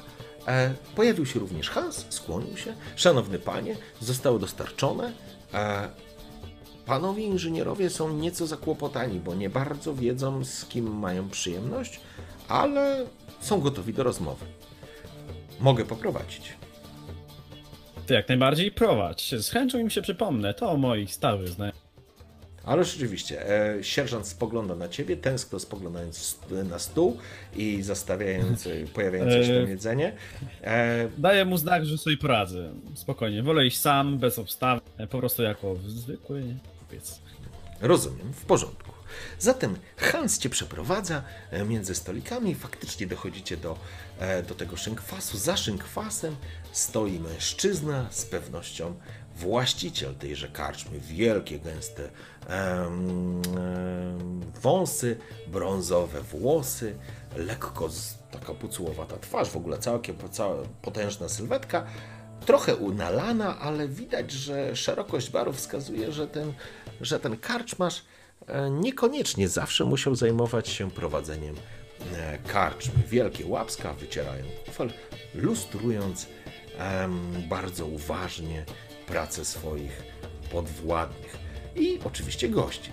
Widać, że co ciekawe, nie widziałeś tu specjalnie nikogo z ochrony, jakichś wykidajów i tak dalej. Być może karczmarz sam potrafi sobie poradzić z bardziej nachalnymi i niegrzecznymi gośćmi. Któż to wie, któż to wie. Mijacie w każdym razie Szynkwas podchodzi do e, takiej niewielkiej alkowy, która jest zasłonięta firaną, słyszysz podniesione głosy już. No, by nam się, ile kurwa tu będziecie jeszcze siedzieć? Most nie zrobiony. Wiecie, ile to pieniędzy kosztuje? Och, coż tam, panie grododzierżco, cóż my temu wszystkiemu winni? A mężczyzna odsuwa mm, zasłonkę. Szanowni panowie, faktycznie stajesz, widzisz stolik, e, okrągła taka... Mm, jakby to nie jest e, takie siedzisko, ale na zasadzie takiej kanapy bardzo wygodnej, duży stół zastawiony, widać e, wieloma różnymi przysmakami, ale również alkoholami, widać wino, piwo, wódkę. Siedzi tam trzech mężczyzn, którzy, no ich czerwone już twarze jasno wskazują, że długo tutaj siedzą, lekko przymrużone oczy, a widać, że są sfatygowani, ubrani w dublety, zapinane na złote guziki, szerokie pasy, e, niewielkie. Jeden z nich ma taki, taki binokl, czy monokl, przepraszam, w oku, e, a przed nimi stoi mężczyzna nieco starszy, widać jest bardzo wkurzony, ubrany oczywiście w takie już e, szaty, nazwijmy to prawie dworskie, z szerokimi rękawami, a oczywiście jest to też do połowy ud, dosyć wysokie są te, nisko schodzą te, te szaty, szerokie rękawy, mężczyzna rozkłada ręce, właściwie trochę w bezsi jest bezsilny, lekko siwizną upruszone włosy, rozegrane oczy i ładnie przycięta e, broda. No ale ile będziecie tutaj siedzieć? Nic się nie zrobiło. O, szanowny panie, to nie tak, że się nic nie zrobiło. To absolutnie nie tak. Ale rzeczywiście my mamy plan już zrobiony. Rozrys rozrysuj panu, co będziemy robić. Rozrysuj, tu masz węgielek, rozrysuj panu. Nie chcę kurwa żadnych waszych węgielków. Kiedy most będzie? Wiecie, ile tutaj pieniędzy się topi? Pieniądze to nie wszystko, szanowny grododzierżco. Pieniądze to nie wszystko. Ale my nie jesteśmy bogini Melitele. My z pustego nie przenajemy. Nie ma drewna, nie ma roboty. Plany są, wszystko jest gotowe. Możemy zrobić choćby zaraz. Ale cóż zrobisz, jak nic nie zrobisz, szlachetny panie? A ty kim jesteś? Mężczyzna spogląda na ciebie, wskazując palcem. Dopiero i trzech inżynierów, właściwie tak na twoje oko dosyć młodych ludzi. Wcale nie jesteś przekonany, czy to nie są jacyś świeżo upieczeni żakowie, którzy niedawno skończyli e, jakąś tam uczelnię czy uniwersytet, e, ale świetnie się bawią. Oni się świetnie widać bawią. Faktycznie mają ze sobą takie rulony papieru, mają węgielek, więc prawdopodobnie plany mają już rozrysowane. Mężczyzna mimo to spogląda na ciebie, widać, że na dłoni ma złoty pierścień, łańcuch, na którym jest e, taki emblemat, herb samego Białego Mostu. E, ja oczywiście od razu wchodzę jak, jak, jak do siebie, tak? I, I się przedstawiam. A szanowni panowie, dobry wieczór. Jestem Bastian Luft i raz Bastian wielce Luft. Prze- wchodzi ci w słowo jeden z, z, z inżynierów. Bastian, coś mi mówi to, coś mi mówi. Co mi mówi? Heniu, co on mi mówi? No Bastian, no był ten Hans i piwko od Lufta. Do luftu, z gwinta, na zdrowie, twoje zdrowie, a żeby was zaraza zeżarła, wy mordy ochlapusy, co z moim mostem? Most stał wieki i wieki jeszcze będzie stał, panie grodzierstwo, będzie stał? Jak Amen w pacierzu. Stać będzie. Ale panie Luft, siadaj pan, my tu mamy fantastyczne rzeczy. Miejsce mu zrób. Henio, posuń się.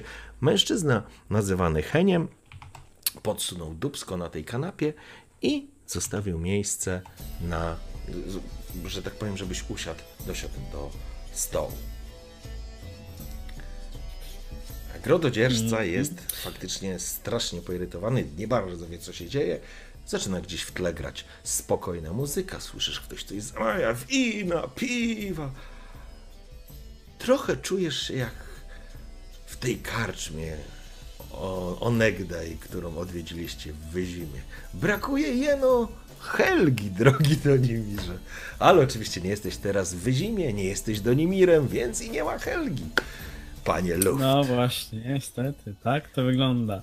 Um, czy czy grododzierżca, on tam siedzi razem z nimi tym stole, Sto, on stoi, stoi on stoi nad tym stołem i widać, że aż się telepie. Nie musisz mieć hmm. żadnych nadzwyczajnych umiejętności, żeby widzieć, że jego po prostu szlak zaraz trafi i zejdzie tutaj na przypływ humorów i fluidów i co wtedy powiecie straży.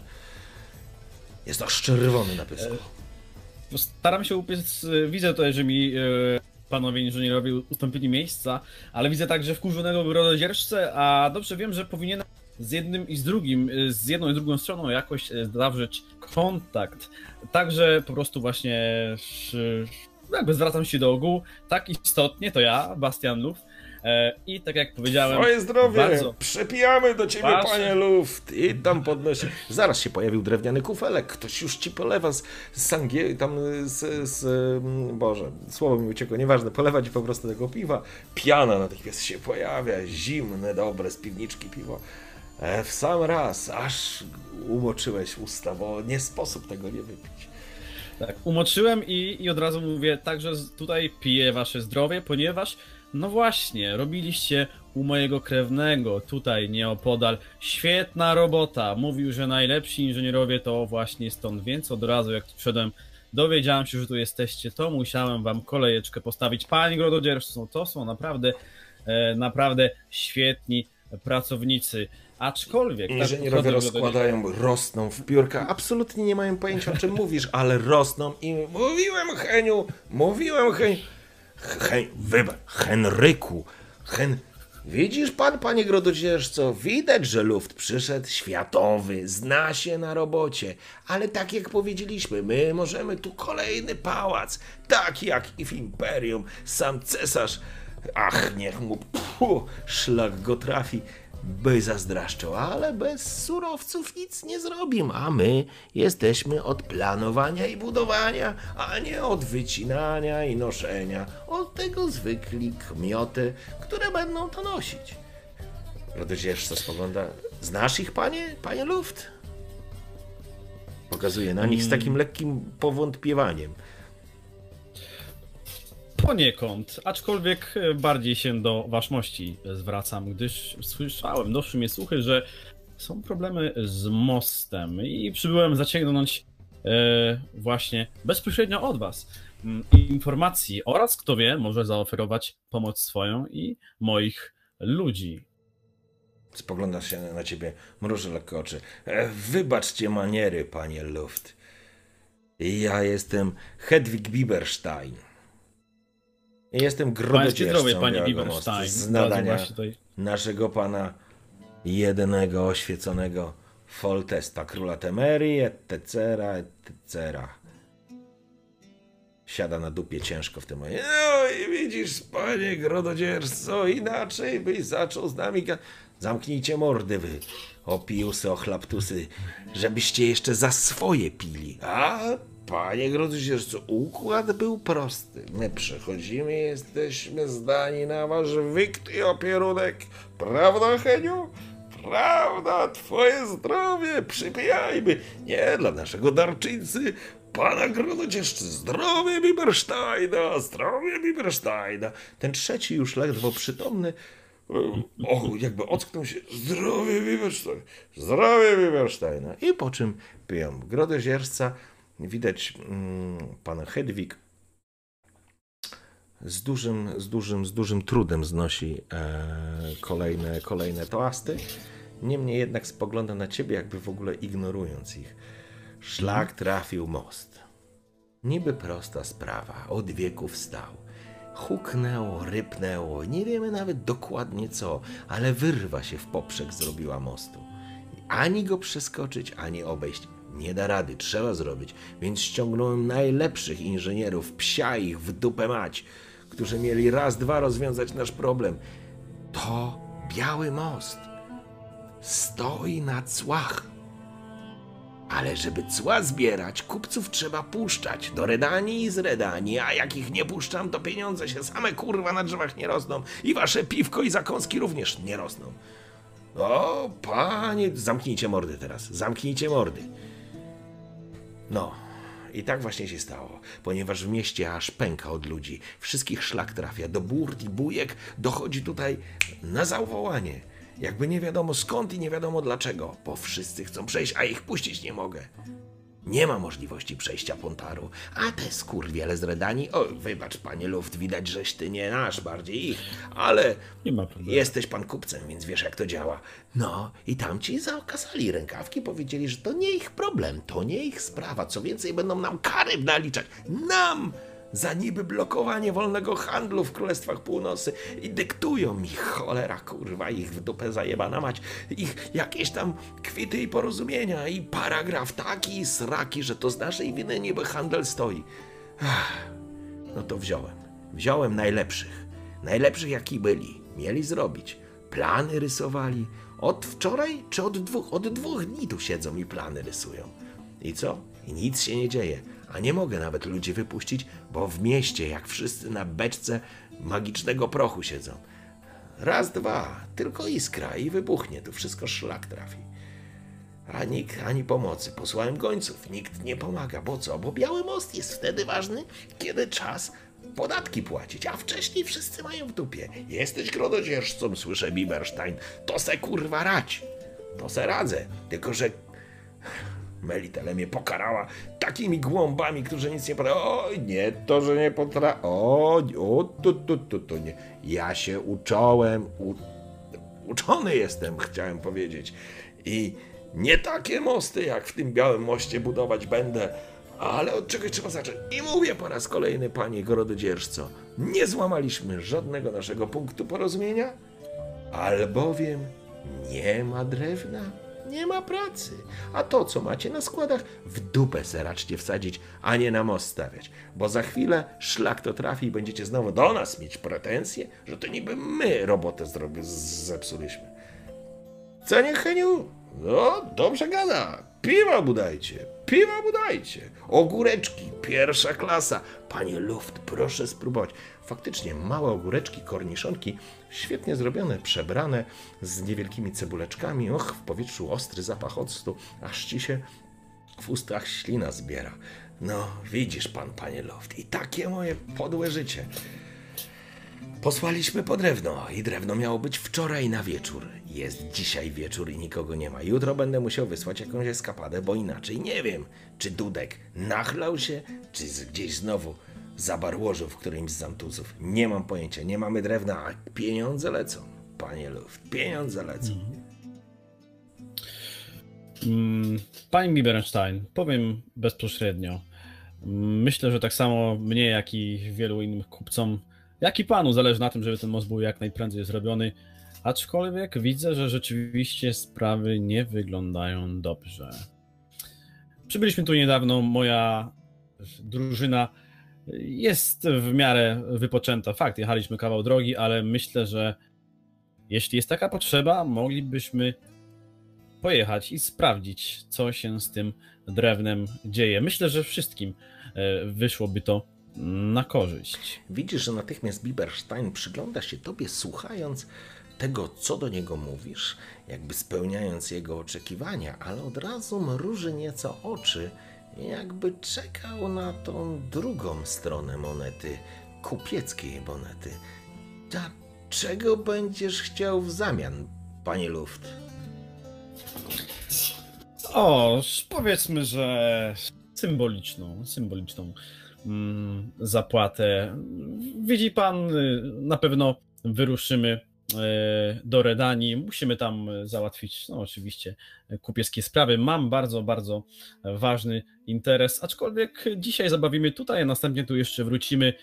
Byłbym bardzo wdzięczny, gdyby ja i moja drużyna moglibyśmy tutaj właśnie w tej karczmie na e, koszt tego pięknego miasta, oczywiście działając w jego najlepszym interesie, gdybyśmy mogli tutaj właśnie e, gościć. Biberstein się spogląda. Dużą macie tą drużynę, panie Luft? Żartą? Jest. Pitą? Jak te tutaj łachudry? Ależ skąd? Chłopcy jedzą jak wróbelki, bo to jeszcze młode, to jeszcze nie, nie spożyte. Jedynie ja i sierżant jednak y, lubimy trochę lepiej podjeść, no ale to wysiłek fizyczny, umysłowy sam pan rozumie. Z pewnością Biberstein, miasto nie będzie strat. Biberstein się zastanawia, gładząc się po pięknie wypielęgnowanej brodzie, natomiast inżynierzy tych dwóch, bo ten jeden już odpłynął tam, widzisz Heniu, mówili o tym na uczelni. To jest influ, influ...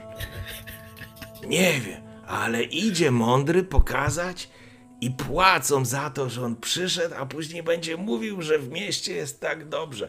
Mówili, ale żeś Heniu nie słuchał, żeś znowu odskładał na zamtuzik. Ach, no to twoje zdrowie. W takim towarzystwie tym bardziej nalza się napić. Sam, sam e, Biberstein spogląda, niech tak będzie. Wikt i opierunek, na mój koszt. Ale jutro jedziecie jest z samego jeszcze, rana. Jest jeszcze jedna rzecz, jest jeszcze jedna rzecz. Pojedziemy nawet może dzisiaj, aczkolwiek y, gdy będziemy wracali, potrzebujemy mm, znaleźć pewne, pewne rzeczy. Widzi pan, y, tutaj myślę sobie, perspektywicznie myślę sobie o tym, że gdy będziemy wracać, to może moglibyśmy załatwić jakieś rzeczy do kuźni Daltera, której tak potrzebował. E, także to może być idealne właśnie. miejsce. To może być do tego no idealne właśnie, miejsce. Aczkolwiek dopiero przy powrocie, gdyż nie chcę, żeby nas to spowalniało. Aczkolwiek mówię, widzi pan, chcę założyć y, tutaj w Temerii. Temeria mi się bardzo spodobała. Chcę założyć mały, nowy interesik kuźnie. Kuźnie, w której będę zbierać najlepszych z najlepszych rzemieślników. Z pewnością wpłynie to na rozwój e, tutejszego kowalstwa i rzemiosła. I więc e, myślę, że wszystkim się to przysłuży. Tak czy inaczej, muszę tutaj nabyć trochę potrzebnego mi sprzętu i bardzo byłbym wdzięczny, gdyby szanowny grododzierżca e, przekazał mi może jakiś aneks, jakiś, jakiś dokument pozwalający uzyskać może nieco zniżki na zakup tychże artykułów. Spogląda na ciebie i mruży przenikliwe oczy. Dobrze, to w takim razie rzuć sobie kością, zobaczymy, czy ci się e, uda przekonać grododzierżcę do uzyskania jakże intratnego dla ciebie e, rabaciku. E, co byśmy z tego sobie wykorzystali, z Twoich umiejętności?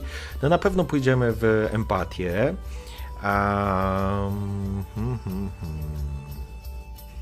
Oprzejmy, oprzyjmy to dalej na charyzmie. Nie masz e, perswazji, o które pytałeś, więc tym bardziej pozwolę ci e, wykorzystać e, charyzmę.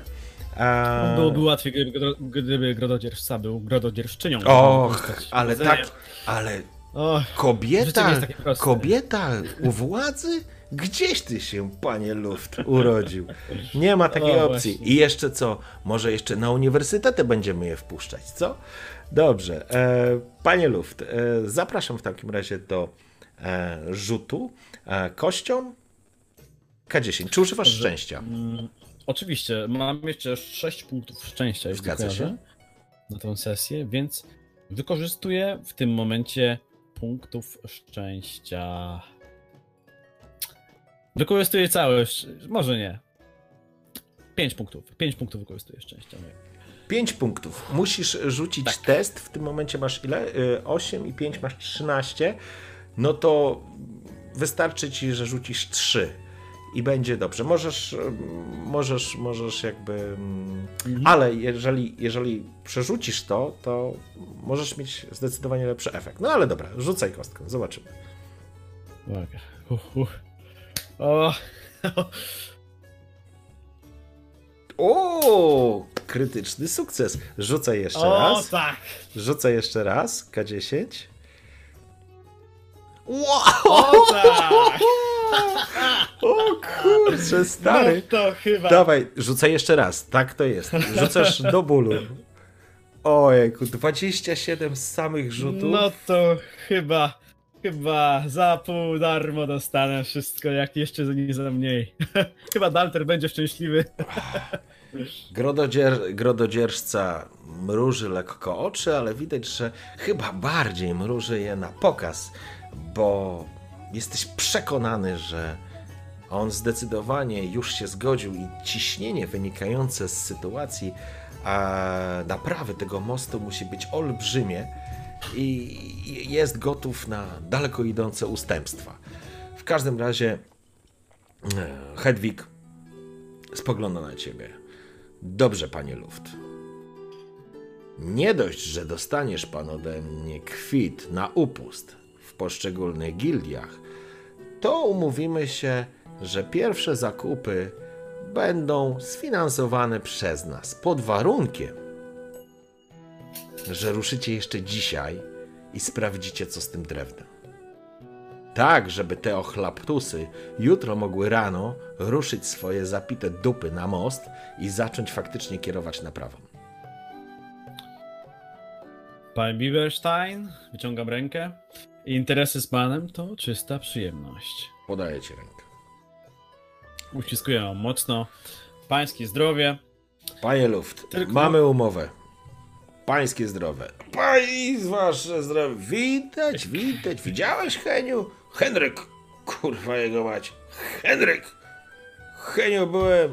Byłeś jak jednego robaka, żeśmy z ziemi wydłobywali. Rozumiem, Henryku. Popijacie. Dobrze.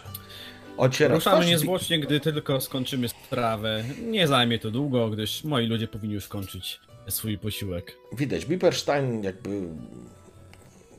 Nie wiem, tchnąłeś w niego nowe życie, jakby zeszło z niego całe te ciśnienie i. i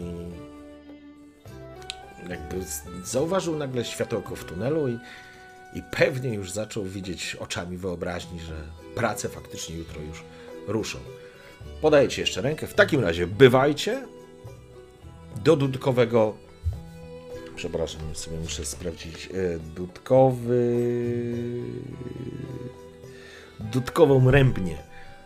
Do dudkowej rębni podeślę tutaj chłopa, pokieruję was. To jest niedaleko stąd. Ale ruszacie jeszcze Doskonale. raz. Zatem powodzenia i przychodź, przywracajcie, wracajcie szybko. I umowa jest umowa, panie Luft. A wy, mordy zapijaczone, wyście przestańcie już chlać. Karczmarzu! Karczmarzu! Mężczyzna zwalisty powolnym krokiem stoickim podchodzi. Grododzierżarz, Słucham. Zamykam rachunek. Koniec. To, co mają na stole i ani grosza więcej. Grododzierż, co tak się stanie? Zatem, panowie, ostatnie zamówienie. Nie, kurwa! Żadnego ostatniego zamówienia! Koniec! Dobrze, nasz klient, nasz pan. Oczywiście. Mężczyzna obraca się i stoickim krokiem wraca do e, swojego szynkwasu.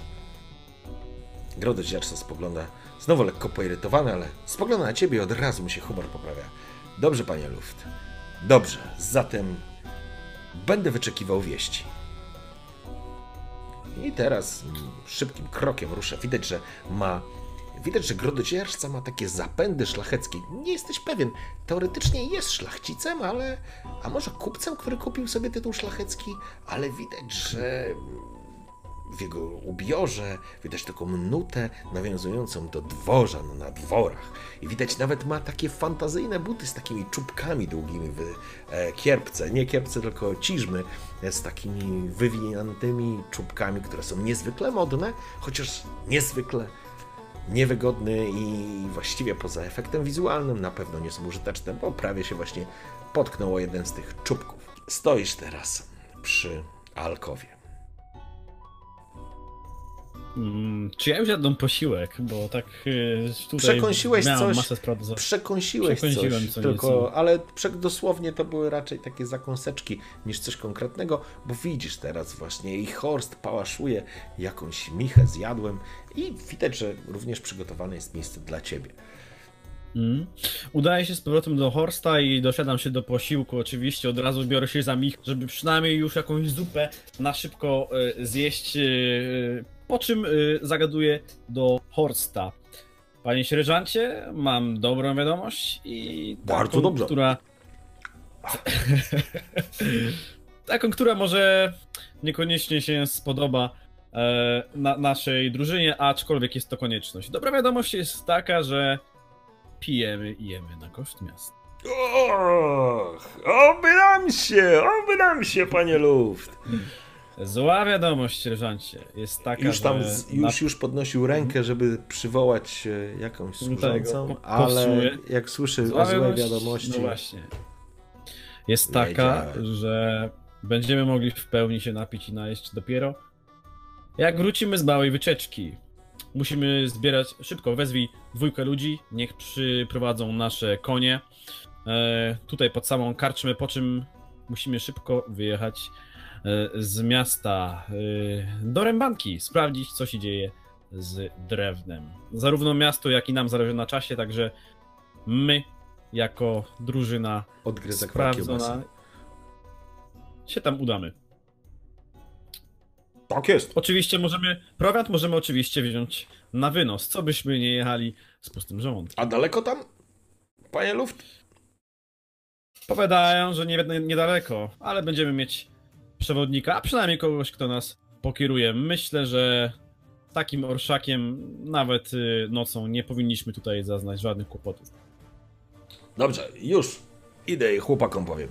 I, I poleć chłopakom, co by mi się żaden nie spił. Z tym mogą poczekać, aż powrócimy. Panie Luft. Na mnie możesz pan polegać. Wstaje i idzie. Już jego ta ogorzała twarz, ale nie, absolutnie nie, nie wygląda na pijanego, to absolutnie nie. Poszedł w tamtym kierunku. Słychać, że na początku były jakieś e, krzyki radości, ale, ale usłyszeli chyba drugą część informacji i jakby nieco im miny zrzedły. Niemniej jednak e, po chwili Horst wraca, ty zdążyłeś sobie do miski nalać takiej gęstej polewki z mocnymi, wielkimi kawałkami mięsa i warzyw, właściwie tylko cebuli i trochę marchwi. Zacząłeś jeść do tego świeżo pieczony chleb. Och, to było przepyszne. Za chwilę pojawiła się rybka i coś z dziczyzny. A za chwilę pojawiła się jeszcze kaczka w jabłkach. Nie sposób jej nie spróbować. Pono jedna ze specjalności tego kucharza. Jednakże najlepsza jest rybka. Rybka będzie podana na końcu, ale ty już masz wrażenie, że to będzie również i twój koniec, jeżeli to wszystko zjesz. Chociaż Donimirze, a raczej Bastianie, jako wielki chłop potrafiłeś wiele rzeczy udowodnić przy stole. I nieraz, kiedy zasiadaliście wraz z panami szlachcicami przy stole, a wasza służba Giermkowie gdzieś w dali, i zgodnie z tradycją podawana była misa z żarciem najpierw panom. Potrafiliście gadać i żreć w tym samym czasie, co było zupełnie czymś nie do pomyślenia dla waszej służby, która liczyła, że jak się rozgadacie, to te półmiski z ućcami, z kaczkami, innymi ptakami po prostu dotrą również do nich. Ale wy zaskoczyliście niejednego. I tak teraz. Znowu było miło napełnić brzuch. Tym bardziej, że na koszt Białego Mostu. Dobrze. w takim razie zdążyłeś podjeść, wrócił oczywiście Horst, mm, jeszcze też e, coś podjadł. Po chwili podszedł mężczyzna, który absolutnie nie pasował do, e, wyglądem do otaczającej was e, gawiedzie, właściwie innych gości. Był ubrany e, w, w taką prostą narzutę, to, jest, to się nazywa kote i ono jest, jest taką prostą sukmaną, która jest przewiązana pasem. Przy pasie miał kilka mieszków, a proste nogawice i niewielkie takie buty skórzane wiązane. Skłonił się. Pan Luft, zgadza się? Mężczyzna o młodej twarzy, w sile wieku, e, lekki zarost na głowie, mm, na szyi jest rzucony taki kołnierz z kapturem. Oczywiście nie ma kaptura na sobie. Istotnie to ja. A ciebie jak zwą, młody człowieku? Zostałem przydzielony tutaj. Jestem Kiris. Mówią na mnie Kiris, panie. I mam was poprowadzić do. Kurczę, sam sobie wymyślam te nazwy, a później nie, nie jestem w stanie ich spamiętać. Do dodatkowej rębni. Dodatkowa rębni, tak. Doskonale, wyczekiwaliśmy ciebie. Zanim wyjdziemy, proszę bardzo, tutaj podaję mu kufelek. Napij się, bo widzę, żeś zabiegany. E, mo- możesz nawet wypić duszkiem, a następnie e, prowadź. Nasze konie powinny czekać już na zewnątrz. Rozumiem, że jedziesz z nami. Oczywiście. Zostałem Dobra, tak no to- poinformowany, tak. że mam poprowadzić panów do dudkowej rębni. W takim razie twoje zdrowie i ja tam szybko wypijam. Skłania się bardzo głęboko, bardzo zaskoczony tak miłym przyjęciem.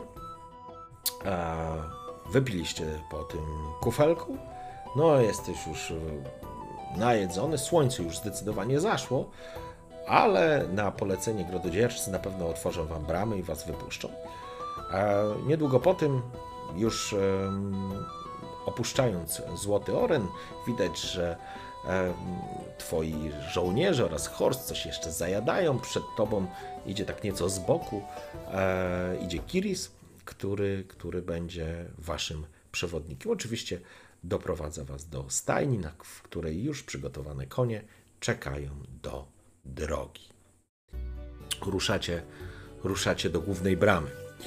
A wjechaliście tutaj bramą zachodnią, a będziecie wyjeżdżać bramą wschodnią w kierunku Kedwen i Edirn oraz miejscowości Flotsam, która jest kolejnym punktem umożliwiającym przeprawę przez Pontar, ale odległość do Flotsam jest powiedzmy zbliżona do tej, która jest do Hołdborgu. Z tym, że jak zdążyłeś gdzieś już zasłyszeć, niestety do Flotsam podróż wiedzie przez lasy i przez podmokłe tereny, a tam pono bestii bez liku i droga niebezpieczna. A mówią, że jeszcze gdzieś można strzałą za drzewa dostać, bo wiewiórki niby wytępione, to jeszcze gdzieś w tych chaszczach potrafią się ukrywać. Wy w każdym razie faktycznie opuściliście Biały Most wschodnią bramą i ruszyliście. Obok ciebie jedzie Kiris a, i sierżant, natomiast za wami a, jedzie wasza piątka waszych rębajów. E, I dojeżdżacie i jedziecie w kierunku e, w kierunku tak naprawdę nie, lasów, które, które po prostu się roztaczają na wschód od Białego Mostu. Po lewej stronie, pomimo tego, że jest już noc, ale nie sposób nie zauważyć potężnej rzeki, potężnego pontaru, który rozlewa się tutaj i, i, i zmierza, i zmierza ku ujściu właśnie na wschód, na zachód, przepraszam. I faktycznie ta rzeka jest ogromna. Tak jak pamiętałeś, to jest jakieś 500, 600 nawet metrów szerokości. Bardzo wysokie tutaj są brzegi, ta woda jest spiętrzona, co niezwykle utrudnia mm, podróż znaczy uniemożliwia właściwie przejście przez rzekę w innym miejscu aniżeli przez Biały Most albo gdzieś jakieś inne brody, jeżeli są tu jakieś brody. Ty oczywiście o tym na ten temat niestety nie masz wiedzy, panie Luft. W porządku. Droga, którą Kiris powiedział, że powinniście do północy dojechać, do, e, przynajmniej do, do tego lasu i do tej e, dudkowej, e, boże, rębni, dudkowej rębni, Dudkowe. dokładnie. E, do dudkowej rębni. Zdążyłeś się oczywiście również dowiedzieć, że dudkowa rębnia to miejsce, które jakby bierze się od tego, że dudek, tak do niego mówią, jest tam drwalem i jakby on ten wyręb prowadzi, a oczywiście nie sam, no, bez przesady, ale, ale Dudek jakby odpowiada za, tą, za ten wyręb i faktycznie te drzewa, to drewno jest niezwykle tutaj cennym surowcem, jest jego dużo. Generalnie również pontarem są spławiane z górnej części, z, od strony Flotsam, też e, bale i pnie, ale one są odbierane nieco przed Białym Mostem, nie w samym, bo, bo tam po prostu się już nie da E, nie dałoby się po prostu spławiać tego przy takim ostrym nurcie. W każdym razie, tak jak powiedział Kiris, dojechaliście do dużej ściany lasu, zbliżaliście się do dużej ściany lasu, w której, w którym ma się znajdować ta dudkowa rębnia, a minęliście, nie mijaliście po drodze, były jakieś zabudowania troszeczkę dalej. E, Kiris tłumaczył, że jest to jakaś wieś, już nazwy nawet nie pamiętasz, ona nie jest istotna, gdzie są tutaj ludzie zajmujący się uprawami i dostarczający białe, do Białego Mostu takie zwykłe farmerskie rzeczy. Oczywiście Biały Most nie jest miastem, więc nie ma wykształconego jakiegoś wielkiego, znaczy jest miasteczkiem, ale nie ma takiego wykształconego, nie jest dużym miastem i nie ma wykształconego podgrodzia, więc jakby okoliczne wsie pracują na, na rzecz Białego Mostu. Podobnie jak w Hołdborgu też kilka wiosek, które funkcjonuje nieopodal, dostarcza podstawowe, podstawowe produkty rolne.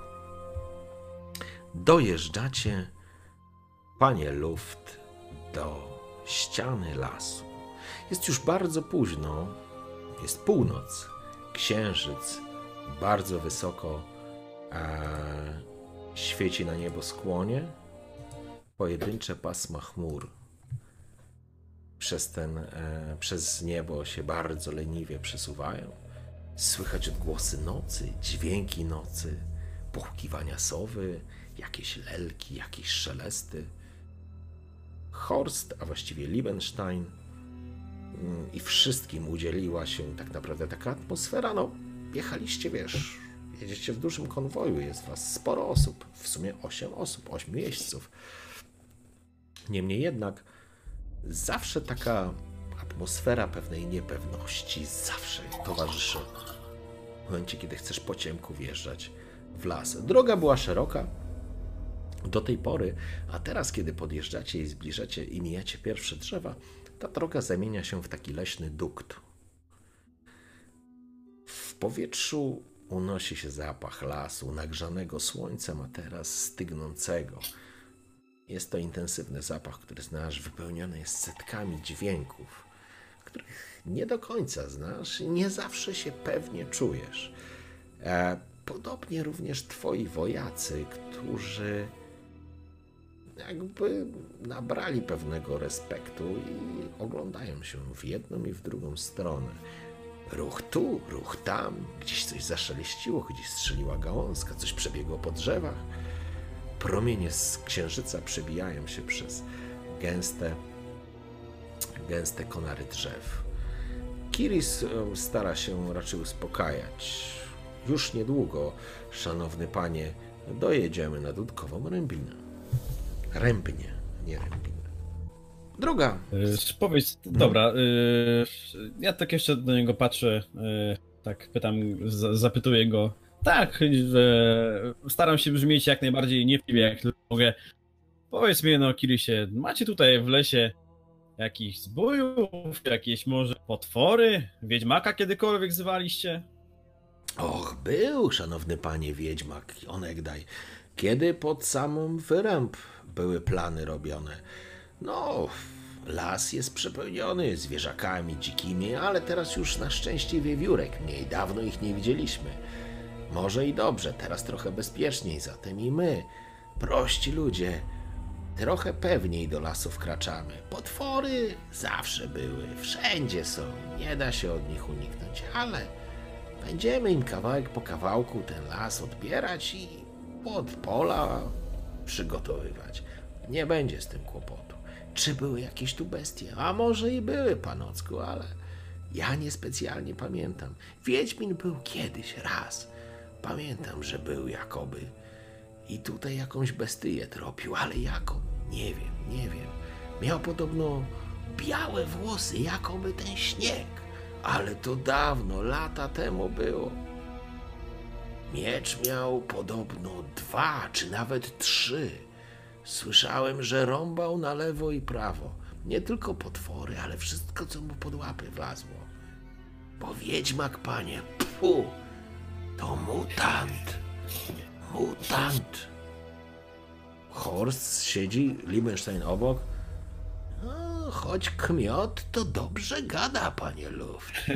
Z wiedźminami, o, to przekleństwo.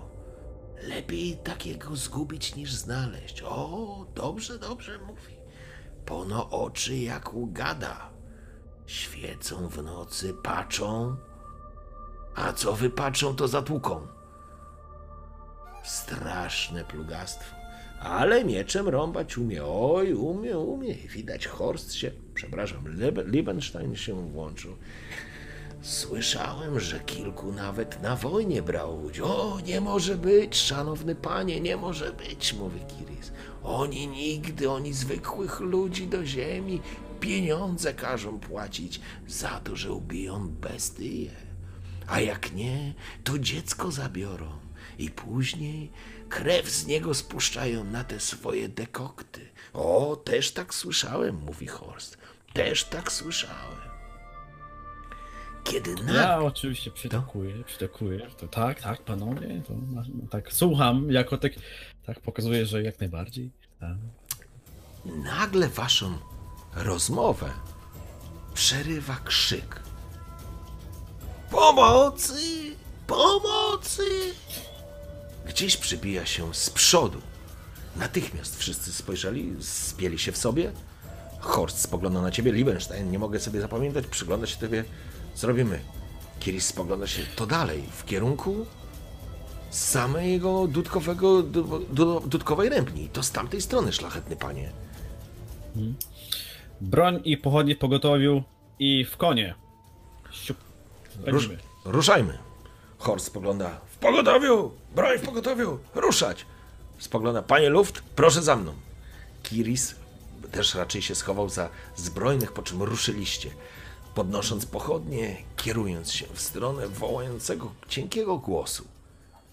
Kiedy wyjeżdżacie w pełnym, może nie, nie, w cwale, absolutnie, to jest jednak leśna droga, ale dosyć szeroka, bo że dwóch jeźdźców może obok siebie jechać. Kiedy jeździecie dalej tym lasem, rozpościera się przed wami polana, nad niej takie pojedyncze drzewo, pod którym dostrzegasz, unosząc e, pochodnie, no i tutaj kiedy polana się, że tak powiem, rozpościera, słońce, y, księżyc jasno świeci, więc widzisz, pod drzewem leży truchło konia, a na nim siedzi kilka, a może nawet kilkanaście dziwnie przygarbionych istotek, gdzie się błyszczą oczy. Nad drzewem, które jest lekko pycholne, widać ktoś macha na drzewie w koronie drzew. Pomocy! Pomocy! Szlachetni panowie! Pomocy! Tutaj, tutaj! Coś takiego. Spoglądasz, panie, cóż to za demony, cóż to za diabły? Do broni! Słyszysz, jak wydaje rozkaz Liebenstein. Dobywam także swojego, swojego miecza i wykorzystując również swoje jednak y, żołnierskie oraz, oraz dowódcze. Wyciągam broń. Panowie, do szarży! I prowadzimy szarżę. Ruszam jako pierwszy na koniu.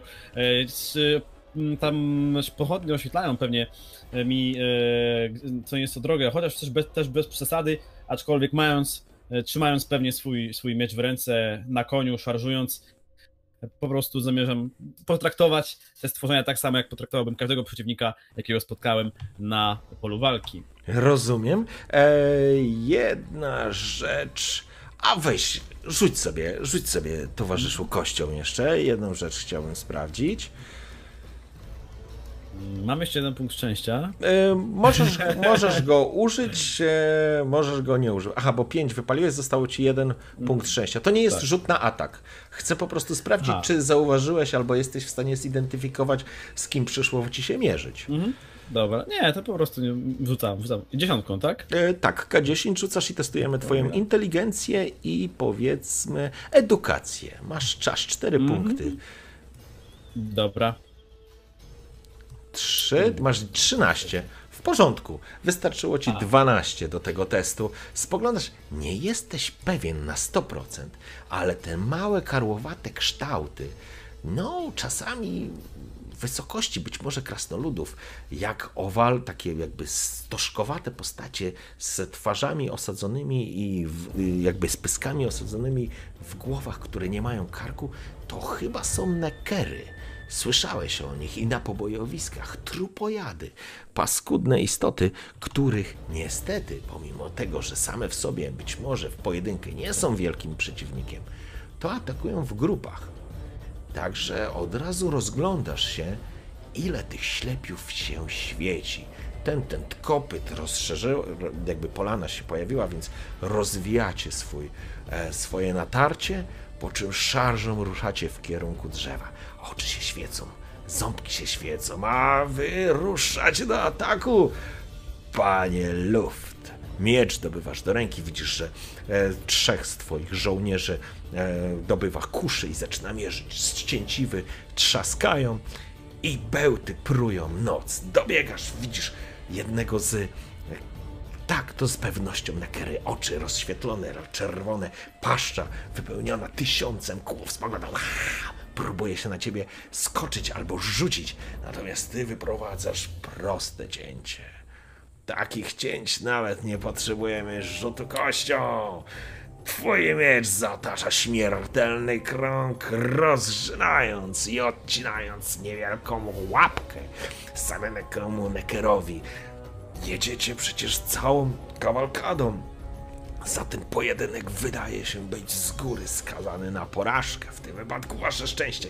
Słyszysz wrzaski i krzyki. Gdzieś jakiś koń się spłoszył. Gdzieś u góry ktoś tutaj, tutaj, pomocy, szlachetny panie. Po, furkocą pochodnie w powietrzu. Czujesz zapach zgenilizny i stęchlizny, takie grobowe, jakby z otwartych grobów. Gdzieś mlaskanie i słyszysz wrzaski piszczenie i jakieś małe kończyny i stworki po prostu rozpryskują się między gdzieś tam waszą szarżą. Zdążyliście, e, poczekaj, o, zdążyliście przejechać, zostawiając drzewo za sobą, furkocą te pochodnie. Słyszysz Horsta, który jedał nawrót, poprawiamy skurwysynom.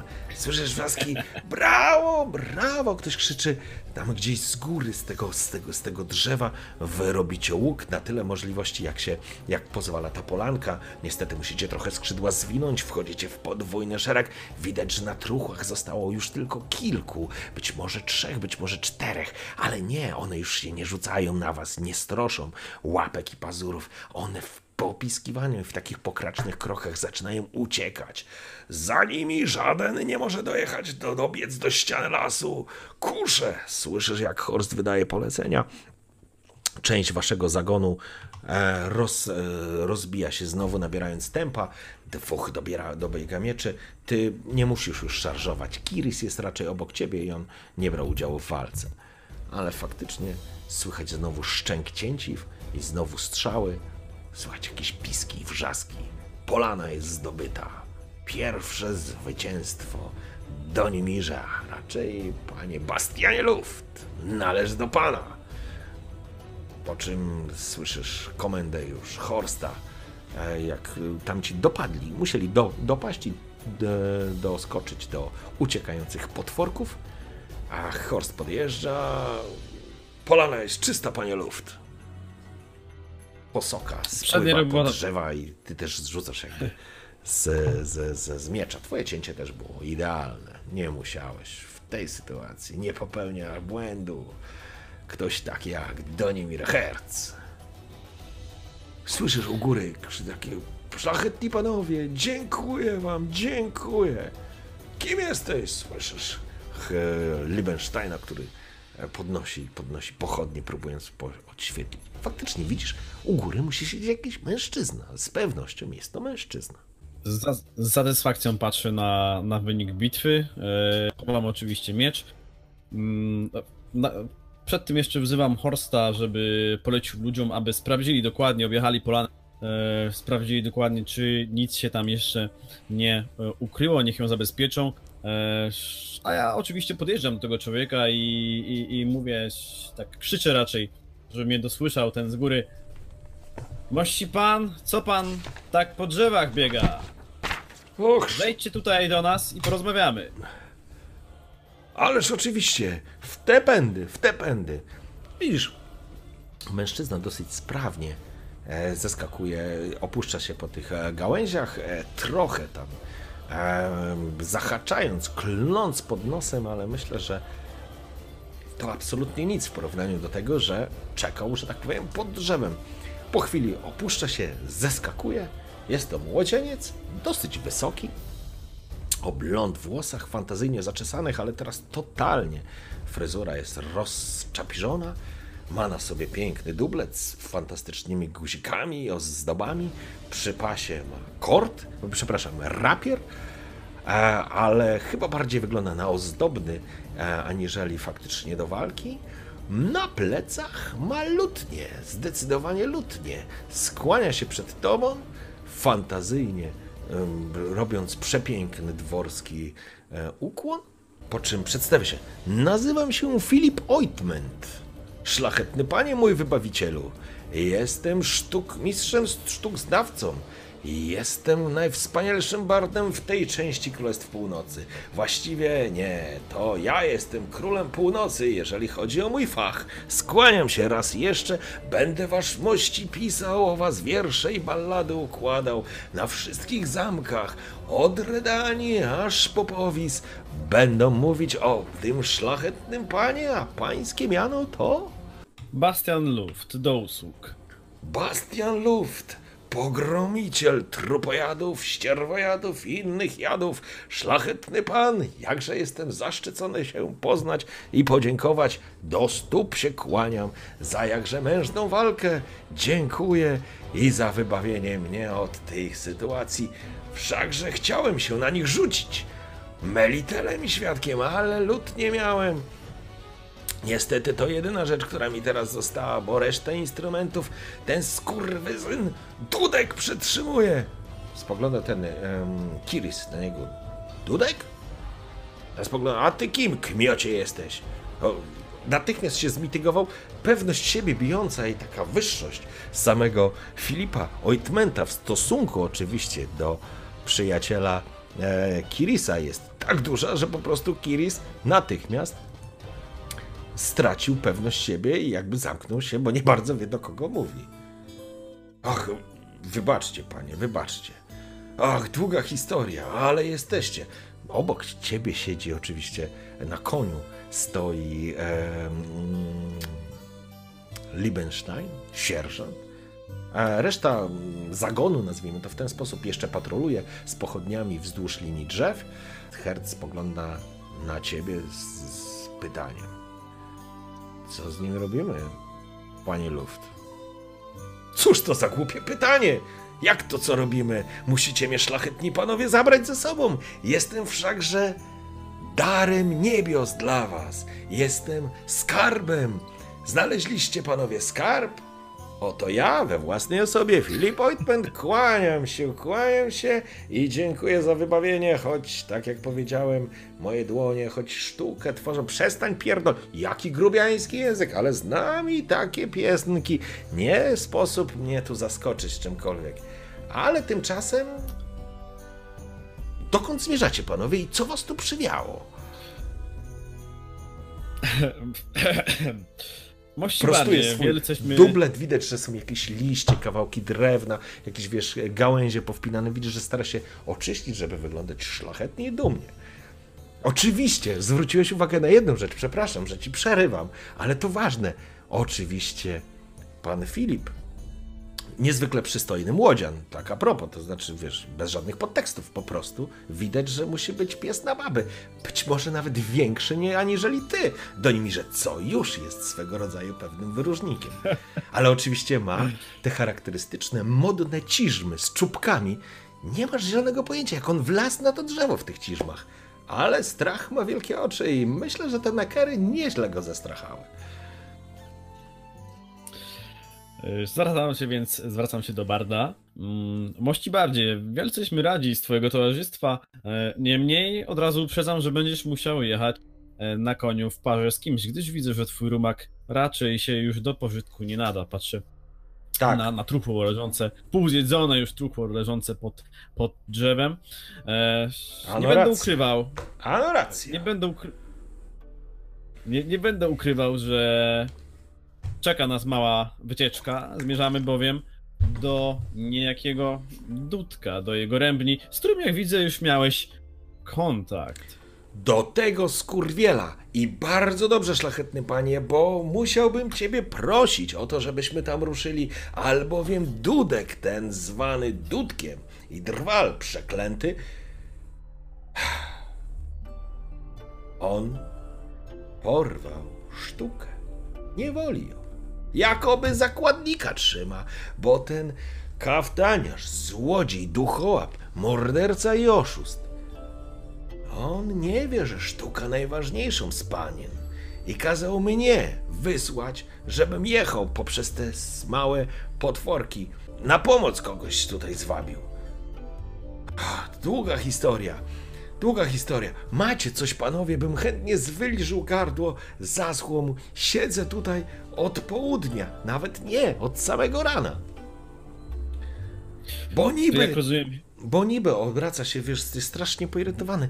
Bo niby nekery w dzień nie łażą. Nie łażą, ha, ha, nie łażą. Skurwysyny nie łażą, to prawda, bo skaczą. Skaczą niedościgle i prawie mnie zło dopadły, ale wycofałem się na skórę upatrzone pozycje, obserwowałem ich, szlachetny panie, patrzyłem w ich te małe kurewskie ślepka, spoglądałem, próbowałem wywrzeć na nich swą złość. I już, już właściwie one się kłaniały, właściwie już się wycofywały, unikając pięknej sztuki, jakoby ja bym zaśpiewał. Ja, Filip Oitman, ten, który grał na królewskich dworach, musiał przed potworami się kłaniać. Nie, nigdy w życiu, nigdy w życiu. Ale dobrze, dość o Ruszajmy do Dudka. On ma moje instrumenta. Powiedział, że muszę pojechać. Przegrałem. Ach, długa historia. Przegrałem losowanie. Losowaliśmy, jesteśmy zamknięci. Właściwie oni są zamknięci i ten Dudek cholerny w tym dudkowym, w dudkowej rębnie. Schowali się w stajniach i czekają, bo nie wiadomo skąd te potwory i monstra wyszły. Właśnie te, ale jest i tam taki herszt, większy, wielki skurwiel, straszny. Ale nie chciał się sam biec za mną i tylko chyba dlatego uniknąłem strasznego, heroicznego patosu. Kto by mi właśnie mojej materce powiedział, że już zszedłem z tego łezpa dołu? Kto by mi wyrył na obr... Dobra, przestań się nad sobą użalać, mówi Horst. Opowiadaj, Grajku, co tam się wydarzyło. A już ci, już ci opowiadam, szlachetny... Ale prosiłem, gardło moje, żółtko bym wypił, żółtko, bo moje struny głosu... A muszę powiedzieć, że mój głos, jakoby ten słowiczny dźwięk roznosił się... Dobra, masz, tu pij i już się zamknij. Podaję mu Horst antałek, to znaczy taki bukłak. Popija... Straszne, ale w tych okolicznościach nie lza i nie wypada marudzić, więc wino straszliwe, widać, że żołdak i... Ale cóż, wypił. Więc jeszcze raz. Musimy tam pójść i musimy odzyskać moje tajemnej sztuki arkana. Nuty, ale również pamiętniki tam spisuje słowa ballady, a będzie ona o tobie, panie Bastianie, z pewnością na pewno wspomnę. Ale zanim tam, musimy pokonać razem tamte potwory, a to będzie piękny materiał do kolejnej mojej ballady. Opiera dłoń na, e, na pasku, takim ładnym ozdobnym i unosi lekko głowę, dmuchając w, powietrze, poprawiając sobie niesforny kosmik włosów. Y, Horst już się nie odzywa. Patrzy na ciebie ze znakiem Mhm. zapytania. Kiris w ogóle zamilknął. W ogóle się nie odzywa? Dobra, najpierw do Horsta mówię, y, sierżancie, zbierzcie ludzi, wyruszamy natychmiast. Y, ty zaś bardziej z chęcią wysłucham więcej twoich historii po drodze. Czas nas pewnie goni. Chcę dowiedzieć się wszystkiego o naszych przeciwnikach, o tym ilu ich jest i jak powinniśmy się y, do nich zabrać. Gdyż mam nadzieję, że miałeś okazję przyjrzeć się im przynajmniej przez chwilę Oczywiście. swojego mm, heroicznego e, poświęcenia się i, i wyruszenia tutaj właśnie, aby sprowadzić pomoc. Ale Zresztą co jak widzisz się udało, gdyż oto przybyliśmy. Tak, jesteście zesłani przez całą Melitelę. Bogini was zesłała. Jestem niezmiernie wdzięczny i oczywiście, oczywiście opowiem wszystko, albowiem wiem o nich wszystko. Mój przyjaciel, Wiedźmin, mi opowiedział o Nekerach wszystko, co należy wiedzieć. A Miałem takiego przyjaciela. Nazywał się Xarvius, szanowny panie, ale nasze drogi się rozeszły, bo ja musiałem iść za moją matką, za moją duszą, za moim sercem, za sztuką. A po prawdzie, za moją niedaleką znajomą, ale o tym kiedy indziej. Niemniej jednak chętnie ci opowiem. Nekery, obrzydliwe trupojady, w ziemi żyją, szlachetny panie. Atakują